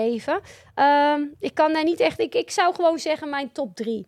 Dus ik zou zeggen ehm, Rood, Almere en Wanneka. Is dat ook oké? Neem je die? Zeker. Maar dan mag ik nog wel één vraag stellen, denk ik, toch? Ja, ik heb... Wees noemt ze niet, hè? Nee, die heb ik nooit gedaan. Oh, oké, oké. Volgende week kan nog. Oh ja. Oh, en ik heb mijn tijdritfiets teruggekregen Kijk, van een kijk. meisje Hey, die je, stond, je stond als te Hey. springen om toch Almere misschien eh, te doen. Je kan nog, hè? Nee, nee, nee, nee, nee. Oh ja, en Julia. Nee, want Julia Leeuw, die is natuurlijk mega goed. Ja. En die doet... Ja, moeten we nog... Die is natuurlijk ook voor Hawaii gekwalificeerd. En ik wil Ja. eigenlijk liever niet dat ze volgende week meedoet. Dus ja, als zij niet meedoet, dan is natuurlijk Ja, de weg ja, vrij. ja, ja. Nee joh, nee. Nee, nee, nee, nee, nee, nee, nee. Nee, ja, in het begin had je even over... Eerst deed je Ironman Frankfurt en op een gegeven moment is dat overgegaan naar Challenge Road, toch? Dat, dat Ja, ik was eerst bij Challenge Road. En daarna heb ik toen, eh, ben ik naar Ironman Frankfurt gegaan. Vier jaar. Maar daarna weer terug naar... Oh, daar zit echt, daar zit echt contracten aan verbonden van ja. gewoon startgeld. Als je daar begon, dan... Ja. Nou, mooi. Dat was een heel Dat was de vraag. Dat was Nou ja, dat, dat, dat- is dat nog steeds op die manier? Gaat dat, vol- Bij de, bij de echte wereldtoppers wel. die worden gewoon... eh. Die worden daar wel voor gecontracteerd om ergens te mogen ja, starten. Ja, het is, eh, ja, het is natuurlijk ook, het is per atleet gewoon een beetje van. Ik heb gewoon ook wel een goede tijd beleefd. Ook de, de- bijvoorbeeld Cora Vlot vroeger, die tijd, die periode, voor heel veel jonge luisteraars, die hebben geen idee. Maar daar was ook wel de gouden triathlon tijd. En die hebben ook gewoon goed geld verdiend. Maar Ja. ik kan werkelijk zeggen dat ik in die jaren, in die tien jaar dat ik echt zeg maar op het hoogste niveau zat, daar heb ik ook geen race gedaan zonder dat ik een startgeld heb gekregen. Je hebt En gewoon echt je- goed geld verdiend Ja, door de sport. Ja, als je daar natuurlijk ook je voet tussen de deur houdt en je gewoon daaraan vasthoudt aan die regel Ja. en nergens start, werkelijk, Ja, zonder dat je wel. kijkt, dan ja, als ze dan willen dat je komt. Milan, ik ga zaterdag wel even in de VIP eh, met de petron. ja, want zo moet het Volgend jaar. tegenwoordig dan, denk ik. eh, want eh, startgeld, eh, dat heb jij nog niet in Almere, helaas. Hij moet betalen. ja. Als, als al meerder. Nee, ja, dit zijn de tips. Hè. Goed luisteren, want Yvonne heeft natuurlijk, wat je zegt, dat is natuurlijk wel een heel goed punt. Als je daarvoor staat, dan, dan gaan ze op een gegeven moment buigen ze ook wel mee, want ze wilden je aan de start hebben. Nou, ik heb gewoon mega Marcel gehad. Ja. hè. We hadden destijds, ik was tweede in Hawaii en Sandra Wallenhorst, die Duitse, was derde. En toen wilde hun, wilde die, die battle, net als met ons voetbal natuurlijk, Nederland-Duitsland, wat is te gewilder? Hun, eh Ironman Europe, wilde die battle, Ja. Nederland tegen Duitsland, tweede en derde. Dus vandaar dat ze ons alle twee onder contract hebben genomen om in Frankfurt te gaan starten. Dat ze Mooi. die battle kregen, waardoor ze natuurlijk die exposure hadden en interessant voor Mhm. media en sponsor. nou, en zo. Ah, het is grappig, eh, jij geeft het nu aan van, nou, ik heb best een aantal jaar eh, het echt goed gehad in de Ja. sport. Rick hebben van de week gehad, die zegt dat ook. Ja. Eh, Gregor, die zegt dat ook redelijk. Van, ik heb toch wel een aantal goede jaren gehad. Ja, ik kijk dan toch weer even schuin Milan aan. En eh, jij bent nog jong in je carrière. Maar dat, dat is wel anders dan nu hoor. Of, eh, ja, de, de top is gewoon groter wat dat betreft. Ja, Dat- dat is wel zo. Maar je hebt nu hele gave ontwikkelingen met die PTO. Hè. Als je Zo ziet wat het prijzengeld daar. Wauw, hé. ja, ja. Wow, nee, dat- zeker. hey, Dat was bij jou weer niet inderdaad in die Nee, tijd. precies. En eventjes over jullie, wat Ruud ook aangaf over twee weken daar, eh, dat Milan eh, daar Ja, commentaar. is. Ja. hey, hey, Sarissa, Sarissa de Vries, Ja. zo absoluut. Dat is helemaal haar afstand. Een Ja, geweldige afstand voor haar. Heel benieuwd. Ik zou ook heel, heel clever dat ze hier niet start en zich helemaal, als ik Ja, haar was, zou ik helemaal op die afstand Ja. gooien. Ja. Zo, er komt volgend jaar, eh, want, want, want die we- wedstrijdreeks hè, van, de, van de US Open en de Canadian Open van de PTO, komt volgend, jaar- de, volgend jaar gaan ze er vier van die wedstrijden Ja, doen. ik weet het, ja. Drie van die afstand, hè, van Ja. de 280-18. En dan één wordt er een, eh, een eh, of een hele of een dubbele van, van die afstand welke ik net zei. Dat is een 200 kilometer race dan. En dat is ook wel een interessante natuurlijk. Dat zijn wel Ja. weer hele, de echte mannen die echt voor de, voor de lange afstand kiezen. Zeker. eh, Die dan, Maar- eh, Dus ja, die ontwikkeling is natuurlijk heel gaaf. En gewoon een hele mooie kans om gewoon Ja. echt ook een go- goed geld te verdienen. Jij ja. snapt Sarissa daarin voor 100%. Zo, zo clever. Ja. Absoluut. Had ik met haar papieren of met haar Ja, capaciteiten, credits, zeg ja. maar, capaciteiten, exact zo gedaan. Ja. Ik zit ook heel eerlijk, omdat we het er net over Marlene hadden, met hoe zij zwemt. En voor de toekomst ook die afstand zou haar misschien Ja. ook wel enorm liggen. Mhm, Ja, als je, en bijvoorbeeld eh, Rachel, hey, wauw, Ja. die zou daar ook heel goed zijn, denk Ja. ik. Langzaam de overstap. Die eh, luistert vast niet, maar Rachel, volgens mij kan je daar echt wel... Nee, ja, sorry, maar Nou, ik denk dat ze... ja, ja. nou, misschien, misschien luistert ze wel. Milan, heb jij nog wat voor Yvonne? Ehm, ja, zeker. En Dat was, zijn eigenlijk een beetje. ehm, er waren twee vragen, eigenlijk een beetje eh, op inhakend op wat we net bespraken. Ehm Wesley had het net over een paar jouw mooiste races. Wat ik nog wel wilde vragen: heb jij ooit nog een, eh, een race gehad van. Oh, daar wil ik eigenlijk nog wel een keer starten, maar dat is nooit van gekomen? Mm, nee, eigenlijk niet, want ik ga ook nooit meer een triathlon starten. Dat, Mhm. ehm, dus ja, dat zou sowieso niet eh, te, s- te sprake komen, zeg maar. Nee, heb ik eigenlijk niet. Daar komt ook weer dat woord tevreden Ja. eh, terug. Ah, je hebt zoveel ik- mooie races gehad. Ja, ik heb natuurlijk Ja. verschrikkelijk veel. Ik, reed, ik, ja, ik leefde uit mijn tas. We reisden gewoon Ja. eh, over de hele wereld. Wij deden vaak niet alleen het Europese seizoen, maar met mijn man samen natuurlijk ook het, eh, het seizoen in Australië. Dus daar waren vijf maanden daar en deden daar al die races. Mhm, mhm. Dus ja, wij hebben gewoon, wij hebben genoeg genoten. Heb je En daar ook die Noosa Try een keer gedaan? Nee, die heb ik nooit gedaan. Nee, die dat is wel een, een van de grootste daar ook, toch? Dat is niet een hele, maar dat is een. eh, Ja, dat klopt. Maar die heb ik, eh, heb ik nooit gedaan. Nee, Nee. ik weet niet waarom. Maar nee, dus ehm, Oké. ook Ja, weer, nee, tevreden. Ik heb niet iets van, die had ik graag willen doen. Ik zou wel heel erg graag nog een keer terug willen naar Ironman Florida. Maar dan niet om daar te racen, maar gewoon eh, aan te moedigen. Of, Ja. Het is alleen een beetje jammer, want ik had, zou graag zien dat mijn man daar zou racen. Maar het is geen profrace meer. Dus eh, Jammer, hè? Ja. Voor- sinds vorig jaar dan niet meer. ja, dat vind ik heel jammer. Want het was wel binnen de Ironman, zeg maar, eh, branche, zeg maar, was dat wel mijn lievelings Ironman. Ja. Ironman Florida. Die heb ik natuurlijk ook eh, vaak gedaan. En ja, Leuk. Ah, dan, dan een andere vraag inderdaad. En daar eh, hadden we het dan net even kort over, over die PTO. Ehm, jij bent inmiddels al heel erg lang actief in de triathlonsport. Heb zelf op het hoogste niveau meegedaan. Eh, je begeleidt nog steeds, je, je volgt iedereen nog steeds, maar je begeleidt ook best wel wat toppers. En je man is nog steeds prof. Ehm, ik ben wel benieuwd hoe jij, hoe jij de toekomst van de triathlon voor je ziet. Eh, wat, wat kan er anders of wat kan er beter? En ehm, op wat voor manier kan de sport blijven groeien volgens jou? Nou, ik denk dat eigenlijk eh, waar het nu onderweg is met die PTO, is dat gewoon echt Ja. een schitterende ontwikkeling.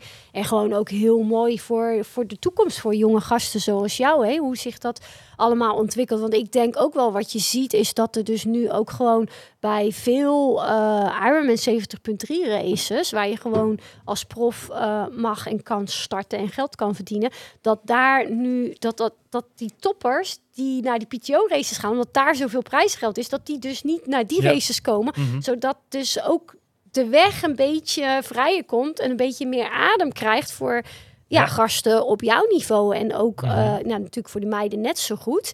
eh, dat er gewoon een beetje meer spreiding komt, zodat meer mensen er een, een boterham van kunnen verdienen. Want dat moeten we natuurlijk wel Ja. gewoon duidelijk zijn. We- De ja, ik- triathlon is gewoon heel moeilijk om daar geld mee te verdienen. Zeker. Als ja. ik enkel naar mijn man kijk, de afgelopen twee, drie jaar, sinds dat dat level gewoon zo omhoog is. Vroeger kon die ook gewoon een goed centje mee verdienen. Maar ja, nu eh, is dat gewoon mogen Ja. blij zijn als het kiet speelt. ja. En ja, het is zo moeilijk om als prof in onze sport je, je boterham te verdienen. Ja, we hebben het al we hebben het hier van de week besproken over de prijzen van Hawaii van dit jaar. Hè, dat er sommige profs over zaten te denken om niet, misschien niet eens te gaan. Ja, dat zijn kwalijke zaken ja, natuurlijk. absoluut. Nou, we hebben het vaak natuurlijk eh, bij de dames, maar ook bij de heren vooral, maar altijd maar over een paar toppers die die wedstrijden helemaal. eh, maar daarachter heb je natuurlijk zo'n grijs gebied van een hele pak atleten die natuurlijk helemaal. eh, Ja, Wat jij zegt, dat absoluut. is een, een, beetje het niveau van Ja. zaterdag inderdaad. Dat, met al de respect, hè, daar is ook niks mis mee. Maar dat is inderdaad, dat is ook een hele grote groep. Ja, En- kijk eh, bijvoorbeeld naar hier in Almere zaterdag naar de Lina. Eh, onze Lina Schenk, die, eh, die was hier in Almere al zesde, vijfde, vierde, derde en Ja. tweede. Hè? Dus die wil winnen. Hè? Die wil zaterdag. Die is mega goed eh, Ja. op het oog. Die is echt in vorm. Die is mega zelf, vol zelfvertrouwen. Die zit heel lekker in de vel. Ja, die zegt ook, ik heb nog maar één ding hier te doen. Ik wil hier winnen. Natuurlijk. Dus ja, dat is wel, die- staat wel niet in de spotlight, maar die kan wel heel goed zijn. Die zat ook, die was, eh, was tweede achter mij. Dat was ook maar acht of tien minuten of zo. En dat is een Duitse dame. Ja, Duitse die Dus- woont in dus- Zwitserland. Ja, We hebben zaterdag bij de dames dan weer Nederland-Duitsland. Ja. Misschien. ja. ja ze zwemt wel niet zo heel goed, dus ze komt erachter. Maar eh, ja, Oké. Ik heb nog wel, eh ja, nog- dat schiet me even te binnen toen we net over die PTO hadden. Ben jij, ben jij ooit benaderd door de PTO om hun te ondersteunen bij het opzetten van eh, die organisatie? Nee, nee, helemaal niet. Ik denk ook dat, dat ik daar net zeg maar, ik wil niet zeggen de sprong gemist heb. eh, Mhm. want ik geniet gewoon lekker mijn rustige bestaan. En ik wil gewoon ook. Ik ben gewoon Ja. echt een beetje lui. Eh, dus ik heb, dat is gewoon echt, ja, nou ja, sorry, is gewoon zo. Ik geniet gewoon. Ik heb zoveel Dat gereisd. mag en- ook wel, toch? ja, ik vind het gewoon leuk om gewoon maar een beetje te werken. En wat ik doe, wil ik dan ook gewoon goed doen Ja. en er voor iedereen Tuurlijk. zijn. En voor de rest wil ik gewoon lekker genieten. En eh, je leeft maar één keer. En ehm, ja, nou ja, eh, maar dat was niet het... Sorry, dat was niet het onderwerp. PTO. Eh, ja, de PTO. Nee, ik denk dat ik net dus die dans ontsprongen ben. Of Ja. ja, ja dat, dat dat net... ja, dat is net gekomen nadat ik al een jaartje zo eh, gestopt was, zeg maar. Het was net aan het opkomen toen ik Ja, stopte. want zo'n organisatie kan natuurlijk Precies. heel veel leren van, van atleten die in, de, in het verleden al de. Ja, de maar ze hebben natuurlijk ook hele goede mensen Ja. daarbinnen. Net als bijvoorbeeld de Laura Siddle. eh, mijn eh, eeuwige, nou ik wil niet zeggen rivalen, want het is een hele goede vriendin. Maar we hebben heel veel races eh, schouder aan schouder gedaan. Geweldige meid en hele intelligente meid ook. Die schat ik definitief met een beetje meer brain in dan ik zelf. Dus die hebben ze daar ook binnen de PTO. En die doet daar zeker een hele goede job. Daar ben ik van Tof. overtuigd. Dus ik voelde ook niet of ik daar iets mis heb gelopen of zo. Ik vind het alleen maar heel gaaf dat Ja. dit zo zich ontwikkelt. En het is goed voor de sport en vooral voor de atleten. Ja. Mooi. Mooie afsluiter. Yvonne, ik, eh, of, of we willen je onwijs bedanken dat je de tijd had gevonden om eh, bij ons aan te schrijven vanavond. En eh, ja, ik mag voor de hele tafel, want we zijn er allemaal zaterdag bij. Eh, het duurt nu echt niet lang meer. Nee. En eh, het kriebelt aan alle kanten Ja. al. Je zegt, ik rij Almere binnen. En eh, Ja. ja. we hebben er allemaal onwijs veel zin in. Eh, maar één iemand van ons, die, zit, die race hem natuurlijk. En wij, Ja. wij mogen lekker kijken, op onze manier. Dat is ook wel leuk. Wij Eh, gaan Milan zien leiden, hè? We gaan het zien leiden. En hopelijk eh, met een leuk resultaat. Maar dat geldt voor al die mannen. Ja, geldt voor al die dames, al die atleten op de halve, op de hele. Weet je, iedereen ik mag heeft er- zeker nog wel even iedereen heel veel succes wensen. Ik wou net zeggen. Ja, dat wil ik wel heel graag. Gewoon echt even iedereen die gaat starten. Maar natuurlijk ook alle vrijwilligers eh, nu alvast Tuurlijk. bedankt. En ehm, ook alle mensen die gaan toeschouwen en de atleten gaan ondersteunen. Gewoon heel veel plezier. Regenjas misschien wel mee inpakken. Eh, maar dat mag de pret niet drukken. En Ja. we gaan gewoon genieten van weer een enorm goed georganiseerd, geweldig evenement. Ja, zeker. Yvonne, ik heb nog een kleinigheidje voor bij het ontbijt morgen in het hotel. Een echte eh Triathlon Inside koffiemok. Oh, wat leuk. Neem hem lekker mee naar het ontbijt. Loop hem mee eh, goed in beeld. Alsjeblieft. Yvonne, hartstikke bedankt. En mensen, ja, allemaal heel veel succes zaterdag. En we gaan jullie allemaal zien. En hopelijk hebben jullie allemaal je beste dag die dag. Ja, en genieten hè. Zo is het. Are you ready for this?